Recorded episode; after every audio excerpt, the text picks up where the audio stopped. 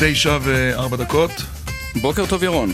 בוקר טוב, אני מתנצל, החילופי העונות אה, השפיעו גם על מטרי הקול שלי. בהחלט. מה הבוקר... לעשות? כן, קורה, בהחלט. קורה.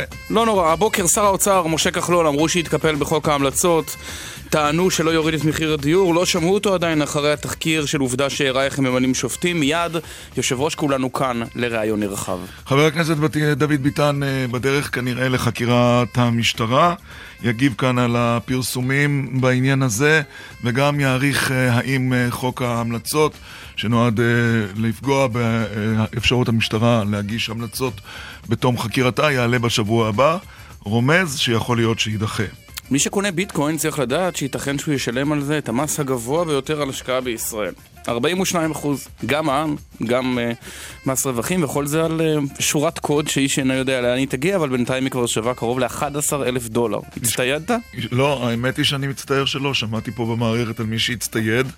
זה היה אלף דולר כשזה נקנה, ועכשיו זה 11 אלף דולר. תראה איזה רווחים. לאן זה יכול להגיע? עשינו טעות, אתה הצטיידת? אה, נדבר על זה כך בהמשך. אה, אתה רומז שאולי לא- לא אולי יהיה כן. מיליונר הביטקוין הראשון, אבל אה, הבנתי. יש חשש כזה. חוץ מזה, כמובן, הפינות הקבועות שלנו ברבע לעשר, שיחה בהפתעה, רבע לאחת עשרה, אדם מן היישוב. היום אנחנו נדבר עם אה, רוקחת מהיישוב אה, מרר, שעובדת בתל אביב. שעובדת בתל אביב. דקל סגל, מתי יהיה רוקח מתל אביב שיעבוד במרר? במרר. שאלה טובה. נשאל. אה, דקל סגל, מעכשיו עד אה, 11 בבוקר, כאן בגלי מתחילים. צה"ל. בוקר טוב לשר האוצר משה כחלון. בוקר טוב עמית, בוקר טוב ירון, בוקר טוב. רפואה שלמה ירון. תודה רבה. אבל לך מגיע מזל טוב, קיבלת עוד תואר. סבא משה. אה, האמת כן, האמת כן, אבל אה, זהו, אני מבקש לעצור פה, כי אתה תתחיל להציף אותי ברגשות, אני לא אהיה מרוכז ברעיון. למה שר אוצר רגשן זה מה שאנחנו רוצים הבוקר בדקל סגל? אה, קודם כל באמת מזל טוב. בן או בת? תודה רבה. בת לבת, אה, בת לבת, יפה. נכדה ראשונה לשר האוצר, מזל טוב. תודה ראשונה, תודה רבה. תגיד, אתה, חוץ מהאירוע המשמח הזה, היו אה, עליך השבוע לא מעט, הופנו אליך לא מעט חיצי ביקורת. הופתעת, שר האוצר, מעוצמת הביקורת בשבוע החולף? האמת, הופתעתי מעוצמת הצביעות, יותר מאשר מעוצמת הביקורת. כי אני אדם אה, פוליטי, ואני עושה, מקבל המון המון החלטות, ואני מקבל המון ביקורת, ואני מקבל קצת מחמאות מעת לעת, אבל הפסטיבל של הצביעות של השבוע היה פשוט חסר תקדים בהיכרות שלי את המערכת הזאת. מי הצבוע? לכם, העיתונאים, הפוליטיקאים? העיתונים, ה- לא העיתונאים, יש פה גו- גופים אימתניים שיש ביניהם מלחמה, ותפסו מישהו ואמרו, אוקיי, עכשיו בוא נרכב עליו. תפסנו פראייר, בוא נרכב עליו. רגע, רגע, רגע, זה מסקרן. לגבי הפרסונלי. מי? אה, עזוב, הכל ידוע. גופים שנמצאים בחקירת משטרה? זה שני גופים? אה, הכל ידוע, הכל ברור, כי אני הולך לפרט. למה אני... למה... אתה בבקשה. להיכנס לסקרנות. קדימה. תראה, מי שטוען בכותרות שלו שהחוק הוא פרסונלי, הוא משקר במצח נחושה. ועכשיו אני הולך לספר לכם משהו. לפני הרעיון הזה, ושניכם מכירים אותי, אני חושב שגם הציבור מכיר אותי, אני מאוד זהיר, מאוד זהיר, לפעמים אה, עודף זהירות. שוחחתי עם היועץ המשפטי לממשלה, לפני השיחה איתכם, לפני מספר לא רב של דקות, לוודא פעם נוספת ואמרתי אם צריך ועשינו טעות אני אעלה בשידור של ירון ואני אגיד שעשינו טעות. לא עשינו טעות. הוא אמר לי באופן מפורש, אני יכול לבקש המלצות עבור תיק נתניהו ותיקים נוספים שהחקירה מתנהלת נגדם.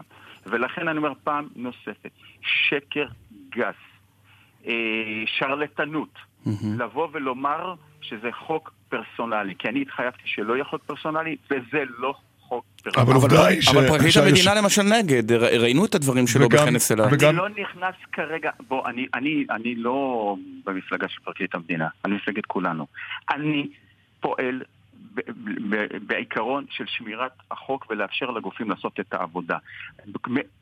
לפני 15 שנה, לפני 15 שנה, התחיל, זה התחיל לרוץ עוד כשהייתי עוזר של השר עוזי לנדאו, הנושא הזה, ותמכתי בו. ואמרתי לו כל הלכה, אני תומך בחוק הזה שלא לפרסם. אני חייב לכם לומר לכם בגילוי לב, אם היו לי 30 מנדטים, החוק לא היה עולה עכשיו. למרות שאני תומך בו. אבל אין לי 30 מנדטים, יש לי 10 מנדטים. במקביל, במקביל, האווירה הציבורית היא לא סימפטית כרגע והעיתוי לא. אבל לבוא ולומר שהתקפלנו ואפשרנו חוק פרסונלי, זה ממש לא נכון, ואני לא רוצה להמשיך להתבטא. אבל אי אפשר יהיה לפרסם, אה, שר האוצר, את ההמלצות של, המ... של המשטרה. זאת אומרת, את, אמרת שהיועץ המשפטי לממשלה אה, חי בשלום עם החוק הזה, אבל בסיומה של החקירה, כאשר המשטרה תגבש את החלטותיה, הציבור לא, לא יוכל לדעת אותן לפי החוק. זה נראה, לך, נכון. נראה לך תקין? תראה איך קולו של ירון נשבר מרוב התרגשות. נכון. ירון, ירון, ירון, כן. בוא תפריד את הסוגיה לשתיים. הטענה שלהם היא טענה שאני אמרתי משהו ועשיתי משהו אחר, שזה שקר. אני אמרתי שאני נגד פרסום כל הזמן. אבל אמרתי שאני רוצה לאפשר ליועץ המשפטי לממשלה או לכל גוף לבקש המלצה בחקירות שכבר מתנהלות. ולכן אני מעולם לא התחייבתי על פרסום. Mm-hmm. פרסום, אה, אני חושב שהוא לא נכון, ויש עשרות אלפי אזרחים שאם אתה פותח עכשיו את הגוגל, אתה רואה שהמשטרה המליצה להגיש כתב בשם... וקרה משהו אחר. לא, אני לא מקנא לא בילדים שלהם ולא במשפחות שלהם. אם הם לא בסדר, אין שום בעיה, להגיד איתם עד הסוף. אז אבל, כש... סליחה, כן. אבל יש פה גם אזרחים יש פה גם אזרחים שמישהו צריך להגן על, ה, על הפרטיות שלהם ולהגן על הכבוד שלהם. Mm-hmm. ולכן הפרסום הוא לא נכון. אם הבן אדם מגיע להבשלה, לכתב אישום, הרי כתב אישום זה דבר פתוח לציבור. ואת זה כולם יוכלו לדעת. אבל העיתוי והלחץ של אמסלם את ביטן, ברור שזה לא בגלל 60 אלף האזרחים האלה. וזה גם לא חל על אזרחים, זה חל רק על החקירות עם אה, פרקליט מלווה. אני לא חושב, אה, בואו אני אגלה לכם סוד, גם מה שציבור הם בני אדם ויש להם משפחות למי שלא יודע. טוב, אבל זה לא 60 אלף אזרחים. אז כשאבי גבאי, רק כדי להבין... לא, לא אמרתי 60 אלף. לא, אז... 16 אלף. 16 אלף, סליחה. אז כשאבי גבאי אומר, אה, לנתניהו יש שותפים קואליציוניים רופסים, מה אתה אומר לו? כלום. אתה לא רוצה שנזכיר את השם הזה בכלל, לפי דעתי. לא יודע, לא, לא חשוב לי עד כדי כך. אוקיי, טוב. עכשיו... רגע, רק, רק להבהיר את הנקודה הזאת. זאת אומרת, בשבוע הבא, אם החוק הזה עולה, אה, אתם מצביעים כולכם כאיש אחד בעד, ואין חופש הצבעה לסיעת כולנו. לסיעת כולנו בנושאים מהסוג הזה יש חופש הצבעה באופן קבוע. Mm. אין דיונים. כל מי שמרגיש לא נוח בנושאים ערכיים שהם לא במסגרת ההסכם הקואליציוני, יכול להצביע... זאת אומרת, שלושה מחברי כולנו לא יצביעו בשבוע הבא בעד החוק. שום... אני אפתיע אתכם, אני אגיד לך שאני אפילו לא יודע. בישיבת mm-hmm. השבוע אמרתי את דעתי, את עמדתי, ונתתי חופש הצבעה. ואני גם ממשיך לתת חופש הצבעה, אין פה שום סנקציה נגד מי שמצביע, okay. זה לא יעלה ולא יוריד, לא זה שתמך ולא שהתנגד. אוקיי, okay, עכשיו... כולנו I... עם מפלגה דמוקרטית, למי שלא יודע. יפה, עכשיו... חוץ מהרשימה לכנסת, בסוגריים, סגור סוגריים. זה גם דמוקרטי, אבל הציבור בוחר בהם, לא אני. אה, כן, אוקיי, נכון. עכשיו, עכשיו שאלה. אה, אנחנו נשמע מיד רעיון עם דוד ביטן שאומר, אני מעולם לא אמרתי לרועי פולקמן, ליושב ראש סיעתך, או חוק ההמלצות או בחירות. מה האמת? אני מאמין, אני מאמין לדוד ביטן, מעולם לא דיברו על זה. והנה רק תשמעו שאני הרי תומך בזה. הרי לא צריך לאיים על מישהו לתמוך במשהו שהוא מאמין בו. ופה אתם, לא אתם, התקשורת ניסה להשיג את זה, כאילו באו ונתנו חנינה לראש הממשלה, או הורידו לו סעיפים. מה כל הסיפור הזה? אבל רועי פולקמן אמר שלשום בריאיון לרשת ב', הוא אמר, אמרו לנו חברי כנסת בליכוד, או זה או בחירות. אני אומר לך, אני, רועי פולקמן הוא אדם יקר, הוא אדם רציני, ואולי מישהו אמר לו על אזור נכנס. אני אומר לך, מי שמדבר בנו, ברמות האלה, זה אני מול ראש הממשלה. הוא okay. אוקיי. במקרה הזה כמובן לא דיבר איתי על זה, מעולם לא דיברנו על זה, mm-hmm. מעולם לא התבטא איתי בנושאים האלה. זאת אומרת, אתה מאמין לא לביטן ו... שום, ו... לא היה פה שום איום של בחירות. פעם אחרונה mm-hmm. שמישהו אמר בחירות, זימנו אותו לזירה ואמרנו בוא לבחירות, ואם אתם זוכרים, גם, גם אמרתי לו שיש סיכוי גדול שהוא לא יחזור לכיסא. נתניהו והתאגיד, רגע, רגע, על נתניהו והתאגיד צריך להזכיר. כן, עלינו לא מאיימים בבחירות. אמרו עלינו בתאגיד שהתקפלנו. וגם בחוק ההסדרה, גם בחוק ההסדרה. כן. לא, לחוק ההסדרה אני תומך. לא, בוא, אני לא יכול להתקפל איפה שאני תומך, אני יכול להתקפל איפה שאני לא תומך. אוקיי. בתאגיד, בתאגיד, תקשיבו שניכם טוב. מיליוני מילים נמרחו בעיתונות על ההתקפלות שלנו. לא יהיה תאגיד, לא יהיה קובלנץ, לא יהיה גיל עומר. חברים, תפתחו ערוץ 11, חבל שלא הרבה יותר פותחים, כי אני חושב שהוא ערוץ לא רע. אבל ערוץ 11, כל מה שהתקשורת אמרה, וגלי צה"ל מרחו אותנו, וטינפו אותנו, ומה שאתם לא רוצים, אף אחד לא מתנצל שהוא פותח ואומר, התאגיד קיים, קובלנץ קיים, גיל עומר קיים, החדשות קיימות, הרי גולן ממשיך ליהנות לשמור אותו בבוקר. כן, אבל זה עומד, כל... תלוי ועומד בבג"ץ, שר לא, אבל האוצר. בסדר, אבל, אבל רק להזכיר את זה. לא משנה, אני מדבר כרגע על, ה, על הקמפיינים העקומים. שעושים נגדנו, ובסוף... אוקיי, אז מי, אבל מי עושה, רגע, אבל מי עושה את הקמפיין? אתה רומז למשהו מאוד ברור. מי הגוף, אמרת הגוף האימתני, שעושה עליך, שעושה עליך קמפיין? כרגע, כרגע יש בתקשורת אני לא יכול להאשים את כל התקשורת, זה לא נכון. מי, ידיעות אחרונות? אני שמעתי אותך, לא, אני לא מדבר על אנשים ספציפיים, אני מדבר על גופים שיש להם... ערוץ 10, מי? ראש הממשלה. עמית, ירון, תאמין לי, אני יודע לדבר עברית. אם הייתי רוצה להגיד מי הייתי אומר, לא הייתי צריך שתשאל אותי 12 פעם. אוקיי. אני מבין בשאלה הראשונה, לא רוצה להגיד מי, אני אומר לך שהציבור שעכשיו מאזין לנו בדרכים, או בבית, או במשרדים, יודע בדיוק על מי מדובר, לא צריך... אתה מרגיש אבל, שר האוצר, שבעצם בתקשורת מחפשים את ראש הממשלה. היריבות היא להפיל את ראש הממשלה, ואתה האמצעי שאמור לסייע לבצע את זה, וכשאתה לא עומד בציפיות, אז מתנפלים עליך. אני חושב ש, שחלק מאמצעי התקשורת, או חלק מהאנשים שיש להם מאבקים, לא, לא משנה, לא רק ראש הממשלה, אנשים שהיו נגד התאגיד, אנשים שהיו mm-hmm. בעד חברות הסלולר, אנשים שהיו עכשיו בעד כל מיני יזמים וקבלנים שהפסקתי להם לספסור בקרקע וחתכתי להם רווחים אדירים, תמיד יש גופים אינטרסנטיים. אבל אני רק רוצה, אני מוכן ללכת לכל קרב. ואתה יודע, לפעמים אני גם לא סובל מזה. אבל אני רוצה שבסוף הקרב יגידו, מה קרה בסוף. שלא ישכחו את התוצאה. ואתה אומר, אני בינתיים 3-0 בתאגיד ניצחתי, בחוק ההמלצות לדעתי ניצחתי, וגם בחוק ההסדרה הייתי בכלל בעד מראש. רגע, ובסלולר, אתה יודע איזה, אתה עוד היית רבת בגלי צה"ל, אני זוכר, עמית, סמל ראשון, ברשותך. לא, סיימת בסוף סמל ראשון, היית מצטיין, אמרו לי. אבל... אבל uh, אתה הסתובבת שם בכנסת, הסתובבת, עבדת בכנסת, ראית מה אמרו לי, הוא התכופף לטייקונים, הוא לא יעביר את זה, הוא חלש, הוא לא זה, לא, בסוף זה עבר, וכל אזרח במדינת ישראל נהנה מזה כל שנייה. אתה רוצה עוד כותרת צורמת? כשעזבתי את הליכוד, היה מישהו שהלך על, ה, על, ה, כאילו, על האנלוגיה של השיר, הוא עוד ישוב, השיר של הקיבוץ, אם אתם מכירים, הוא עוד ישוב. ואמרתי, הוא לא ישוב, הוא התקפל, הוא ישוב. חבר'ה, אני יצאתי כדי להקים מפלגה חברתית, לאומית, שתיתן מענה לדיור הציבורי ותיתן מענה לדיור ותיתן מענה לקשישים ולחיילי החובה וכל הפעולות, אני חושב שהקדושות שאנחנו עושים למען החברה. אוקיי, תכף נעבור. מישהו שם שכח, מישהו שם שכח להגיד... תכף נעבור, שר האוצר, גם לנושאים שהם בתחום ישיר של משרדך, אבל לפני כן עוד...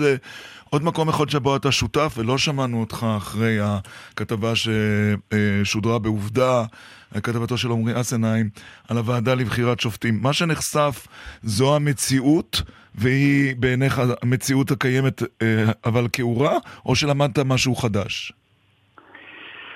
האמת לא למדתי כלום, ואני לא יכול להגיד לך כמה, כמה הכתבה הזאת מדויקת. כן? מה? למה, איילת שקד שאומרת, אני יש לי תיקים, תחקירים על שופטים, ונורית קורן שאומרת, אני סופר תימנים.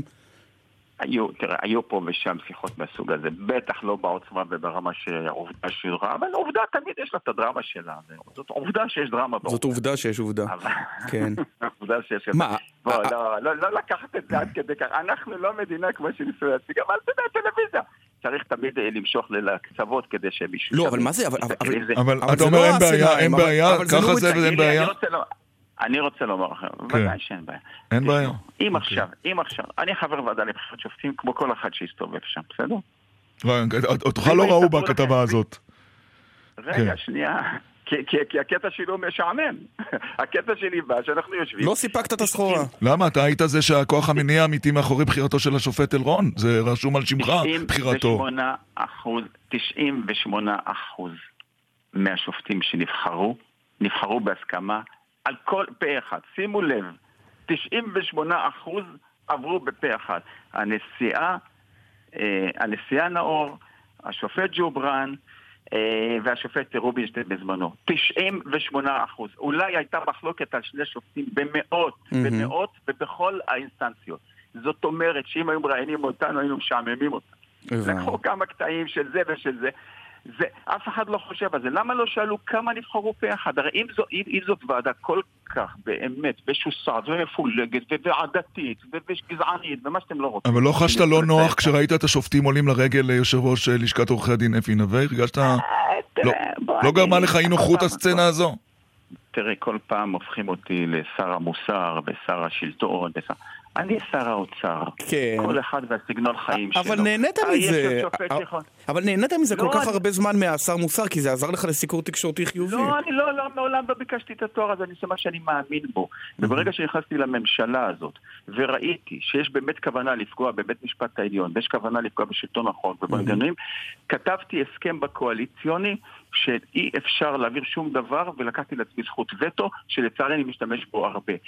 עמית וירון לפני שבוע, אם לא הייתי שם, סמוטריץ' היה מעביר חוק שמרוקן את מבקר המדינה מתוכן. באתי בעצמי, זו פעם ראשונה מאז שאני אה, שר אוצר, הגעתי לוועדה כדי להדוף את זה. חוק אחד לא עבר, ואני מאפשר לכל המאזינים שלכם אה, לעלות, אה, או אפילו להגיד בשידור, חוק אחד אם עבר מפגיעה בבית משפט עליון. לא הרכב לבחירת שופטים, לא סניוריטי, אוקיי. אין לו שום דבר שניסו להעביר, וניסו להעביר. אבל אתה אומר תרגיעו, אל תהפכו אותי לשר המוסר. סליחה, סליחה, סליחה. יש אג'נדה למספר אה, חברים בקואליציה לפגוע בבית משפט העליון ולהחליש אותו, כל אחד בסגנון שלו. והיחידי שעומד שם על המשמר יום ולילה ולילה ויום זה אני.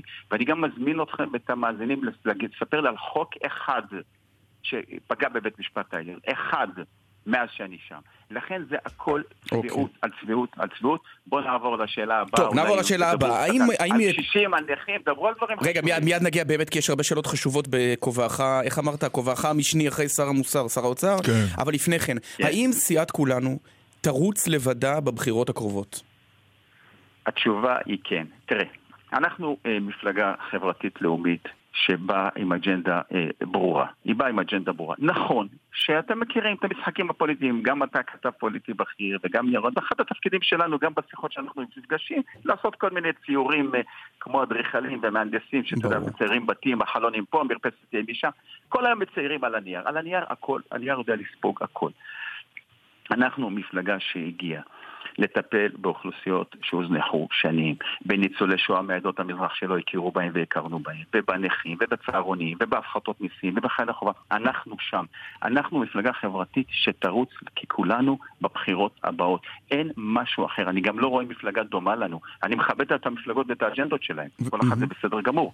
אנחנו, אני לא רואה איזה? מפלגה שרצה באג'נדה שלנו. אוקיי. לא ראיתי שאבי גבאי, אה, אמרת שלא לא תתמוך בו. כן, סליחה. אני אומר שאני לא רואה ראש מפלגה כרגע שהולך לישון עם הבעיות של עם ישראל ומתעורר עם הבעיות של עם ישראל. אני רואה כל אחד יותר הולך לישון עם הבעיות שלו ומתעורר עם הבעיות נכון. שלו. לכן אנחנו נרוץ לבד בבחירות יאיר לפיד. יאיר לפיד כשיר להיות ראש הממשלה? עם יאיר לפיד כשיר. מה- מה הפרמטרים? תגיד לי. תגיד אדע. אתה. אתה אתה אתה- מנוסה מ- אתה מנוסה מאיתנו. לא, אני לא יודע, לא, אני לא, תשמע, אני לא לא כותב תחינות. אבל אתה תמליץ, אבל אתם תמליצו על הימין, אמרת שלא תשבו עם ממשלת אני- שמאל, יאיר לפיד זה שמאל?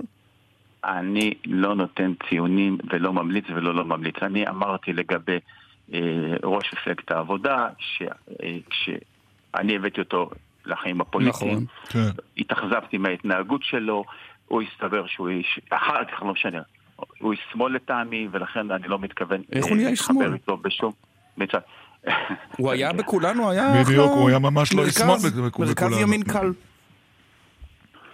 שאלה הבאה. אני שומע אותו, הוא נשמע לי איש ימין קיצוני, נגד שוברים שתיקה, נגד פינוי התנחלויות, שמע, אומרים שהוא מחקה את נתניהו אה, בכל דבר מתפקד ועניין. איזה כיף לשמוע את הניתוח, תמשיכו. אוקיי. טוב, אנחנו לא, רגע, אני רוצה. בדיוק, אני רוצה. לדבר איתך כמה- על כמה עניינים אה, בתחום אה, סמכותך. קודם כל עודפי התקציב. אה, 20 מיליארד שקל אה, התגלגלו לפתחו של שר האוצר. האם אתה הולך לכיוון של החזר חובות, או השקעה של הכסף, או שרי הממשלה יתכבדו ויחסלו צ'יק צ'אק את 20 המיליארד האלה? הכסף הזה הגיע מפעילות מוגברת של המשק. בואו נתחיל מזה, זה לא עודפי גבייה, חלילה, זה אף אחד לא שצריך לשלם אלף, שילם אלף, מהתשובה היא לא. זה הגיע מעודפי, מהכנסות באמת מפעילות יתר ופעילות מבורכת של המשק. יש לנו אחריות. חלק מהכסף הזה ודאי יחזור לחובות. אנחנו מורידים את החוב, אנחנו כבר כרגע בפחות מ-62 אחוז, התחלנו כמעט ב-65, אנחנו ב-62, כל אחוז, רק שתבינו, זה 13 מיליארד. ואנחנו כל הזמן מחזירים חוב כדי אה, להקל על עצמנו בריביות. בואו ואני אתן לכם איזה סקופ כלכלי שפחות מעניין כתבים פוליטיים, אבל, אבל בטח את, את האזרחים שלכם, את האזרחים, את המאזינים מעניין. השנה הקרובה אנחנו נוכל להוציא עוד 1.2 מיליארד בהוצאה הקבועה בגלל שחסכנו בריביות. זאת אומרת שאנחנו חייבים פחות, מן הסתם הריבית יותר נמוכה. אוקיי. וזה אומר פחות מיסים? כן. יש לי גם אחריות, ירון, לשנים הבאות ולדורות הבאים. Mm-hmm. לכן אנחנו באופן טבעי מפחיתים חוב, אנחנו מתנהגים באחריות, סליחה, לוקחים אחריות ולא זזים ממנה. Mm-hmm. יש כמה אוכלוסיות שבאמת נפגעו, אנחנו רוצים אה, להחזיר להם. אנחנו רוצים גם להעביר חלק לשנה הבאה כדי שנוכל להוציא יותר לכיוון, יש לנו הוצאות ענקיות לנכים והצהרונים. אז זהו, הצהרונים, ב-1 בינואר אתה יכול להגיד ריד מי ליפס זה ימשיך? כי יש אי ודאות. ברור, הכסף הוא שם. עזוב, זה נושא טכני. זה ימשיך ב-2017, אתה מתחייב. ב-2018, הצהרונים. זה ימשיך, ואני אגיד לכם גם למה. הנושא הוא רישומי. ברגע שיש אה, אה, יש מה שנקרא נומרטור, למה עכשיו לשעמם את המערכת? לא, לא, אל תיכנס למספרים, כי אנחנו נלך לאיבוד. יש אנשים נכון, שנוהגים נכון, ועלולים להירדם על ההגה. בדיוק. התשובה כן, ואנחנו לא רוצים את זה, התשובה היא כן. התשובה היא כן. למה זה לא מופיע? בנושאים רישומיים טכניים לחלוטין. אבל אמרת גם הפחתת מיסים. לאיזו אוכלוסייה תהיה הפחתת מיסים ובאיזה שיעור? אנחנו uh, מתכוונים להפחית מיסים, ממשיכים להרחיב את נטו משפחה לאוכלוסיות שמשלמות uh, מס על עבודה, בדרך כלל עבודה, מכסים. אנחנו הולכים להוריד דבר שמאוד יקל על, ה, על הציבור ועל העסקים הקטנים, כי יש איזו בעיה uh, שהעסקים הקטנים מאוד מאוד סובלים ממנה, זה הקניות באונליין. כרגע מותר, לנו, מותר לכל אזרח לרכוש עד 70 או 75 דולר באונליין, וזה מכביד על העסקים הקטנים ש, שמחכים אה, לנו, כל, אתם יודעים, לאזרחים, לצרכנים של לבוא לרכוש מהם, ובינתיים רוב הרכישות מתבצעות דרך האונליין. לכן הפחתת המכסים תעזור לעסקים האלה, הם יוכלו להתחרות באונליין, okay. כי אוקיי. גם להם לא יהיה מכס, וזה דבר שיכול לעזור ל-500 אלף עסקים קטנים, וכמובן גם לצרכנים, שזה גם... אז לא הבנתי, יהיה כסף גם לסגור את החוב, גם צהרונים, גם נכים וגם הורדת מיסים? וגם לאיווט ליברמן שרוצה 4.8 מיליארד? יהיה, יהיה כסף לנושאים החשובים. ניצולי שואה מעדות המזרח ופרעות פרהוד יקבלו את הכסף שלהם, כבר קיבלו אותם. חיילי החובה קיבלו, הסיעוד כבר אנחנו מקצים את הכסף, לקשישים כבר הקצינו את הכסף. כבר 1.6 בעבר, עכשיו אנחנו פועלים נוסף. מיסים כבר הפחתנו, צהרונים כבר יש את הכסף, חיילי החובה עם ה-50% תוספת. בקיצור, אפשר ללכת לבחירות לפי מה שאתה אומר. בדיוק. ככה זה נשמע. צריך לתת לממשלה לעבוד כי היא עושה דברים גדולים. כי אתה המפלגה היחידה שפתחה בקמפיין בחירות באין בחירות. כן, רואה שלטים, חיילים. מה, זה מדהים. יש לנו... יש לנו, אה, יש לנו עוד הרבה אה, פעולות חברתיות שיפתיעו את הציבור בש, בשנים הקרובות ואפשר לעשות אותן. ואני גם רוצה לומר לכם שבטח המאזינים שלכם מתחילים לחשוב מאיפה הוא מביא את הכסף. חברים, אני לא מדפיס את הכסף, שינינו סדרי עדיפויות. נתנו למי שזקוק לכסף הזה. כל הכסף הזה הלך בעבר למעלה. הלך לכל מיני קבוצות לא, אבל... שלא, שלא היו צריכות את זה. אבל הנה, משר... הנה, הנה קבוצת לחץ אחת. משרד הביטחון, אתה חתמת עם שר הביטחון הקודם על הסכם, אמרו לנו זהו. איך אומרים, זה קץ התביעות, כמו שאומרים הפלסטינים. ביי ואת עוד חמישה מיליארד. עוד רגע כותרת, פותחים את המהדורה של עשר, פותחים את התקציב. מי אמר לכם שפותחים? אתה רוצה להשתלב בעריכת החדשות של עשר? כי אנחנו באמת מחפשים כאן גיבוי. השלמת הכנסה. מי אמר לכם שזה... אנחנו עשינו תר"ש לחמש שנים. לפני שהגעתי אה, למשרד האוצר היה שיח אלים נגד חיילי צה"ל, שיח שפגע בחיילים שלנו, פגע בבנות ובבנים שלנו, ואני אז קיבלתי החלטה אה, להפסיק אותו. ישבתי עם שר הביטחון בזמנו, אה, בוגי יעלון, הגענו להסכמות על תר"ש, תוכנית רב-שנתית לחמש שנים. הם אמרו בצדק, חבר'ה, אתם לא יכולים כל שנה לשגע אותנו, הצבא זה התעצבות, הצבא אם הוא קונה מטוסים אז הוא צריך גם את המנטנס וצריך תחזוקה, אנחנו צריכים אופק. סגרנו על כמעט 360 מיליארד, מספר, לחמש שנים. בדיוק כל תקופת זמן, אין פה עליות ומורדות. רגע, אז זאת אומרת שאביגדור ליברמן דורש חמישה מיליארד שקל כמעט, אתה אומר, לא יקבל. לא יקבל. אבל עוד דקה, הרי... אוי. אוי. תן לי עוד דקה, אנחנו שם, עוד 30 שניות. עוד 30 שניות, בבקשה. ואז בתר"ש גדעון, שעושה תר"ש, אתה בא... אוי. רגע, שר האוצר, אתה באיזו מנהרה? אתה בדרך 443 או משהו? לא, לא, לא, לא. עכשיו אתם אוקיי. שומעים? כן, עכשיו שומעים מצוין. תן את הכותרת, הקשבנו. כן. נהדר, נהדר. ואז עכשיו, ואז אמרנו באיזה מקרים חל התר"ש, באיזה מקרים אפשר לפתוח אותו.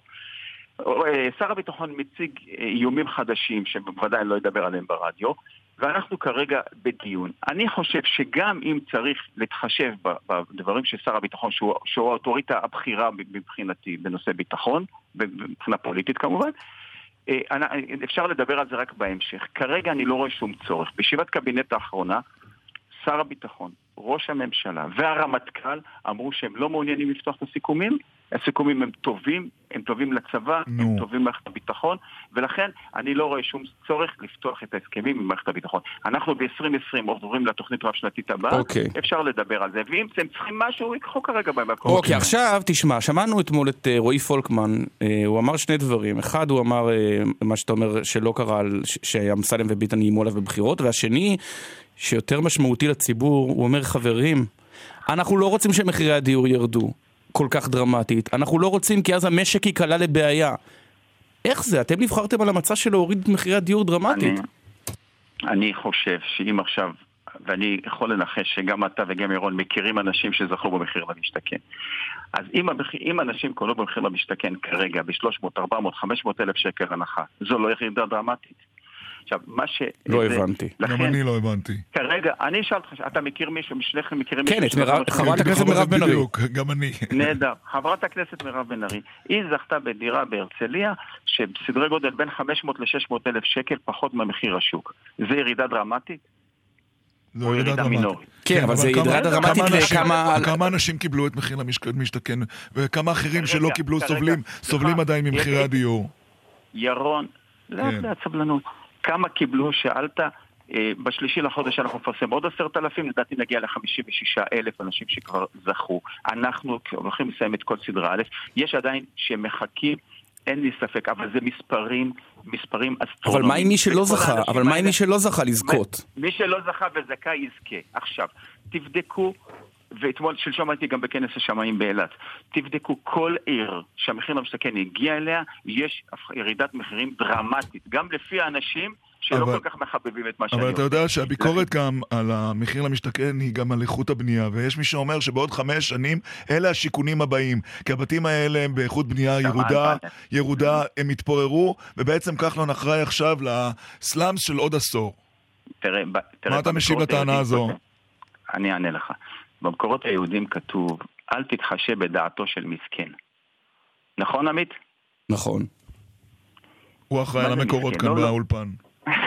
זה, זה, לא, לא, לא, מה זה מסכן? לא בגלל שהוא מסכן. זה אדם שיש לו עניין, יש לו דאגות אחרות, והוא מוטרד, אל, אל תשאל אותו. מי אומר את הדברים האלה? אומר את זה אנשים שעד היום ספסרו בקרקעות, הבעירו את שוק הדיור, עשו הון עתק, והיום מצבם שונה. אתם קוראים עיתונים. היום יש הקפאה בשוק הדיור. הקבלנים והיזמים כבר לא מרוויחים את מה שהרוויחו. זה לא פעם רק שהוציאו פריסל וכבר כל הדירות נמכרו. ולכן הם משמיצים ומטנפים הדירות האלה. ואתה יודע במי בונים אותם? נו. אלה שמטנפים, הם, הם בונים. אגב, הציטוט המלא הוא חוכמת המסכן בזויה ודבריו אינם נשמעים. עכשיו תשמע, דבר אחרון, אפרופו חוכמת המסכן, או כמעט אחרון. אה, כל יום שההורים אה, לוקחים את הילדים שלהם לעבודה עולה למשק מיליארד שקל. למה לא תיתן 400 מיליון שקל לקיצור החופשות ותגאל מאות אלפי הורים שלא יודעים מה לעשות עם הילדים בחנוכה ובפסח ובחופש הגדול? ובאסרו חג. אנחנו כרגע אה, בדיונים עם משרד החינוך לקראת התקציב הבא ולתת מענה. כשהיינו צריכים לגאול הרבה אנשים ולהוסיף חצי מיליארד שקל לסל התרופות, עשינו את זה ממש בלי להניד עפעף. כשהיינו צריכים לעזור לבנט בנושא של הסייעת, שאומנם זה שלו, יוזמה שלו, אבל ידענו להביא לו את הכסף לסייעת שנייה, עשינו את זה. לצפיפות בכיתות, עזרנו לבנט, עשינו את זה. שר החינוך הוא שר מצוין שדואג לציבור ודואג לחינוך, ואנחנו איתו, אנחנו עם, אנחנו עם הטובים. ולכן, גם פה יימצא הפתרון. אתה מבטיח. אז תודיע כמו עכשיו, תודיע עכשיו, כמו עם הסיעוד של ליצמן, תקח את שר החינוך, או לא יודע, מנכ"ל משרד החינוך. לא, יימצא פתרון זה קצת כותרת כללית עבורנו. לא מספיק טוב לעשר, השר כחלון.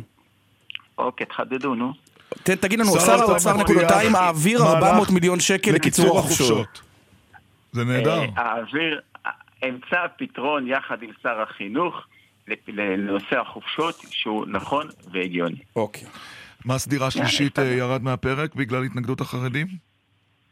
יש לנו קצת קושי. קודם כל, אה, בית המשפט החזיר אותו כמובן, כן, ואני חושב שהוא עשה טעות פה קשה. כן, זה היסטוריה. אבל אה, אתם, מכיר, אתם מכירים, זה היסטוריה. כרגע אה, זה מונח, ואנחנו נאבקים להחזיר אותו. יש קושי בקואליציה, כי אז בפעם הקודמת היה לי הרבה יותר קל, כי אם הוא לא היה עובר הייתה נופלת הממשלה. ואי אפשר להגיד היום שבתקציב אה, מרץ, שאם משהו לא עובר, נופלת ממשלה. על הרקע הזה, כן. אנחנו נמשיך. אני מאמין בחוק הזה, הוא חוק טוב, הוא חוק שקירר את שוק הדיור, הוא חוק שהרחיק משקיעים, אוקיי. והקל מאוד על הזוגות הצעירים. ולסיום, אם ל... בחירות ב-2019, כמו שאתה אומר, למה אתה עושה שלטי בחירות עכשיו? זה לא שלטי בחירות, אני בא, תראה, אני עכשיו כמעט חצי שעה... סיוע לאזרח, אתה אומר. ברור, שירות זה שירות לאזרח שידע נטו קשישים ונטו. לא, השירות הזה עולה הרבה כסף. הרבה כסף. אה, לא, לא כל כך, לא, לא, הוא עולה הרבה אבל הוא שווה יותר. אבל יכול להיות שאתה מכין את הרקע לבחירות כי אתה יודע שזה עניין שראש הממשלה יכול לקום יום אחד ויהיו לנו, אנחנו נהיה בפתח מערכת בחירות? תראה, אם יש פוליטיקאי, אם יום אחד תדבר עם פוליטיקאי אחד, ירון, והוא יגיד לך שמיום אחרי הבחירות הוא לא הכין את עצמו לבחירות הבאות, הבנתי. תגיד לו שהוא לא דובר אמת. טוב, לפני שאנחנו נפרדים, אתה מושקע בביטקוין? האמת לא, אבל זה דרמה מה שקורה. ותהיה רגולציה? אתה מתכנן רגולציה בעניין הביטקוין? אנחנו, אני ביקשתי כרגע להקים אה, ועדה שתלמד, תבחן את זה בו. לא, לא נכחיש, זה נושא חדש, גם בעולם ובטח בישראל. כרגע יש נציגים מטעמי שיושבים ודנים ולומדים את הנושא הזה, ואני מניח שגם לשם ניכנס. אנחנו, אנחנו מעריצים את הטכנולוגיה ואנחנו נהיה איתה. לשם ניכנס זה אמירה של אנחנו ניקח משם אה, אחוזים. זה, לא, לא, זה שם קוד, משם לא. ניכנס. בוחנים, תראה, בוחנים את זה, גם, כשאתה, גם כשאני אגיד עכשיו אני לוקח אחוזים, אני צריך גם להסביר איך אני מתפעל את האחוזים. כן. הרי ביטקוין זה דבר ש, ש, שאין לו כתובת. נכון, זה משהו וירטואלי. נכון. נכון. כן. תנו לי לפחות להציג שאני... טוב, אה, נשמח שתתראיין בעתיד גם, ויהיו לנו עוד שאלות, אני חושב. אני שמח על הרעיון, תודה לכם. תודה רבה. שר האוצר משה כחלון, אה, יש כמה דברים שאפשר לומר על הרעיון הזה, בואו נדבר עליו אה, אחרי החסויות. מיד אחרי החסויות. והתשדירים. עכשיו בגלי צה"ל, ירון דקל ועמית סגל. טוב, היו כמה כותרות. כן, קודם כל השיחה עם אה, מנדלבליט הבוקר. נכון. השר, אה, מה נקרא, שיעורי בית לפני ראיון. כן, אמר, התקשרתי ליועץ המשפטי כן, לממשלה, והוא אמר לי, לא, אין לי בעיה. אבל הכותרת העיקרית שם בעיניי, זה שכחלון בעצם חזיתית, אמנם בנימוס, אבל מתייצב מול ראש סיעתו. אמר רועי פולקמן, חבר הכנסת, אה, חברי כנסת בליכוד, דהיינו ביטן ואמסלם, איימו עליי, או חוק ההמלצות או בחירות, אומר כחלון, אני מאמין לאמסלם וביטן. לא היה איום כזה, ואז הוא אומר משפט, אה, אני מדבר, איך הוא אמר את זה? אני מדבר אה, עם ראש הממשלה נושאים כאלה, כמובן שבנושא כן. הספציפי הזה לא דיברנו. על יאיר לפיד סירב והתחמק ולא ענה אם מתאים, לא מתאים להיות ראש ממשלה, על מי ימליץ, מוקדם מדי. נכון, אבל הש... ערוץ הש... לבד. את ערוץ לבד התחייב, את השם אבי גבאי הוא ממש לא רצה לשמוע, וכל mm-hmm. פעם שהשם הזה הוזכר בריאיון, השר השתתק ולא אמר, לא השיב, לא הגיב, אה, הקו באותו רגע התערער משום מה. נמצא פתרון לנושא החופשות. החופשות נמצא פתרון, אבל לא אמר בדיוק כשהוא מעביר את ה-400 מיליון. סקפטי על מס דירה שלישית. וחופש הצבעה לכולנו. עכשיו יש לי שאלה, אם מירב בן ארי, אלי אלאלוף ורחל עזריה לא כן. תומכים בחוק, האם הם יוצאים מהמליאה או מצביעים נגדו? לא, גם אם מצביעים נגד עדיין... אה, אה, אבל הרוב... שניים לא יכולים להשתתף, בנימין נתניהו וחיים כץ. נכון, אבל השוליים הקואליציוניים מאפשרים עדיין שתיים, שלוש התנגדויות, אבל זה באמת הולך לקשקש. כלומר זה יהיה 60-54? אפילו אולי יותר קרוב אם חלק יצאו מהאולם. 59-54. האופוזיציה 54, אנחנו תצביע כולה. אגב, אני שומע שהם יימנעו, אז זה מרחיב את השוליים קצת. אה, אז אה, החוק יעבור. אה, בסדר. כן. אבל נתן כמה החוק הלא פרסונלי. החוק הלא פרסונלי. טוב, בוא נפנה ליושב ראש הקואליציה דוד ביטן. בוקר טוב לך. בוקר טוב. קיבלת כבר את הטלפון מלהב 433? בכלל לא. לא, לא קיבלתי שום דבר. שאלת אותי אתמול, אמרתי לך שלא, חבל מאוד שאני מקבל הודעות דרך התקשורת. זה בדיוק למה שאמרתי, שההדלפות והשיטה הזאת היא לא מקובלת, לא ראויה ופסולה. ואתה חושב שיש לזה קשר, חבר הכנסת ביטן, לחקיקה שאתה מקדם אה, כנגד המשטרה בשבועות האלה? אני לא רוצה לומר את זה, אבל אני רק דבר אחד יכול להגיד. הרי גם היועץ המשפטי לממשלה וגם פרקליט המדינה וגם המשטרה טוענים לגבי חוק ההמלצות שהעיתוי הוא לא בסדר. החוק אפשר להתווכח עליו, העיתוי לא בסדר. כן. אז תשאלו את עצמכם כרגע למה הם לא, למה זה לא עובד גם באופן הפוך. זאת אומרת, שמה? זאת אומרת שגם פה העיתוי הוא לא בסדר. אה, אתה אומר, אם מאשימים אותי שחוק ההמלצות הוא בסדר, אבל בעיתוי לא נכון, אז גם אם אתם צריכים לחקור אותי, מה נזכרתם בדיוק בשבוע שהחוק הזה עולה לקריאה שנייה ושלישית? כן, נכון. זאת תגיד, אומרת- זאת אומרת שיש קשר, אתה אומר, בין העיתוי לבין החקיקה שאתה מקדם. אני אומר רק את זה, שהעיתוי לא מתאים, לא בריא, לא נכון, ואם הטענה של מערכת אכיפת החוק היא לגבי העיתוי של חוק ההמלצות, אותו דין צריך לחול גם על העניין שלי. הרי זה בדיוק העניין, שאי אפשר לעשות איפה ואיפה ואי אפשר לטעון טענות סותרות כל הזמן. תגיד, אתה מסובך? אני לא חושב. אתה מודאג? אני גם לא מתרגש מהחקירה. לא, אתה בן אדם, אני לא- אני לא מאמין שאתה לא מתרגש, חבר הכנסת ביטן. לא, אני לא מתרגש, באמת שאני לא מתרגש, אני לא מסובך. איך זה יכול להיות? אם חושב אני שאני הייתי עשיתי- כל מוזמן... הפעולות שלי עשיתי לטובת הציבור, בתום לב, לכן אני לא מרגיש בעיה עם זה. הטענות היו אה, סוגיה של כספים, של הלוואות, של השוק האפור, זה אבל מה זה שעלה. נושא שכבר נחקר ב-2010 ונסגר ב-2012, ומה נראה לך, מה אני בתיק רצח שכל ארבע שנים יכרו אותי שוב פעם? לא, אבל? אבל, אבל אני, אגיד לך, אני אגיד לך למה נראה לי שזה לא על 2010. השנה עכשיו היא 2017, יש על זה התיישנות. אוטו, אם אין כבר אז אוטוטו יש. האם יכול להיות שיש משהו טרי יותר, משהו שקרה עד 2013, כשעוד היית, נדמה לי, סגן ראש העיר? אני, קודם כל אני לא יודע על מה הם רוצים לשאול אותי ואני לא יודע על מה הם רוצים לחקור אותי. זה, אולי אתה יודע, כי אתם יודעים הכל, אני לא צריך לדעת שום דבר. אבל אני חושב, תראה, דיברו על איזשהו, במקור היה איזשהו אדם הזוי, שאני לא מכיר אותו בכלל, ואף פעם לא היה לי קשר איתו, שאמר דברים שכולם שקר. יכול להיות שעל זה הם רוצים לשאול, אני באמת לא יודע על מה הם רוצים אתה לשאול. אבל תשיב, אני לא מודאג, לא מהשאלות ולא מדברים אחרים. אבל אתה תשיב כאשר תישאל. סליחה? אתה תשיב, כשתישאל במשטרה אתה תשיב, נכון? זה ברור. אני אשיב, לא- למה שאני לא אשיב? לא תשמור על זכות השתיקה. לא. אוקיי, אני, לא עכשיו. עכשיו אני אשאל אותך משהו פוליטי. אתמול יצאה חוות דעת כן. של היועץ המשפטי של הכנסת שאומרת שנתניהו וכץ אינם יכולים להשתתף... חיים אה, כץ, חיים חיים כץ. כץ, כן. לא יש הרבה ישראל. כצים. אינם יכולים להשתתף בהצבעה על חוק ההמלצות כי נגדם אה, מתקיימת חקירת משטרה. אולי גם אתה לא. אם זה המצב ואתה גם לא תוכל כי תחקירה, האם הרוב של הקואליציה בסכנה? תראה, קודם כל הם לא השתתפו, גם נתניהו וגם חיים כץ לא השתתפו ב, ב, בהצבעה הקודמת, על פי בקשתי אפילו. עכשיו, אני אומר לך, תראה, אני אומר שלגביי, אני לא צריך את החוק, ואני מוותר על הזכות שלי לא לקבל את ההמלצות או שלא לפרסם. ולכן אני לא רואה במצב הזה שאני מוותר על זה אפשרות לניגוד עניינים. כלומר, אתה תצביע בשבוע הבא, חבר הכנסת ביטן. לא רק שאני אצביע, אני אומר מראש, Mm. החוק לא יחול עליי, נקודה.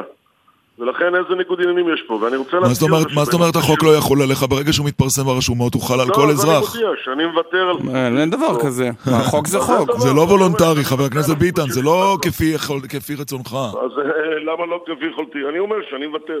הנה, אני אומר. אה.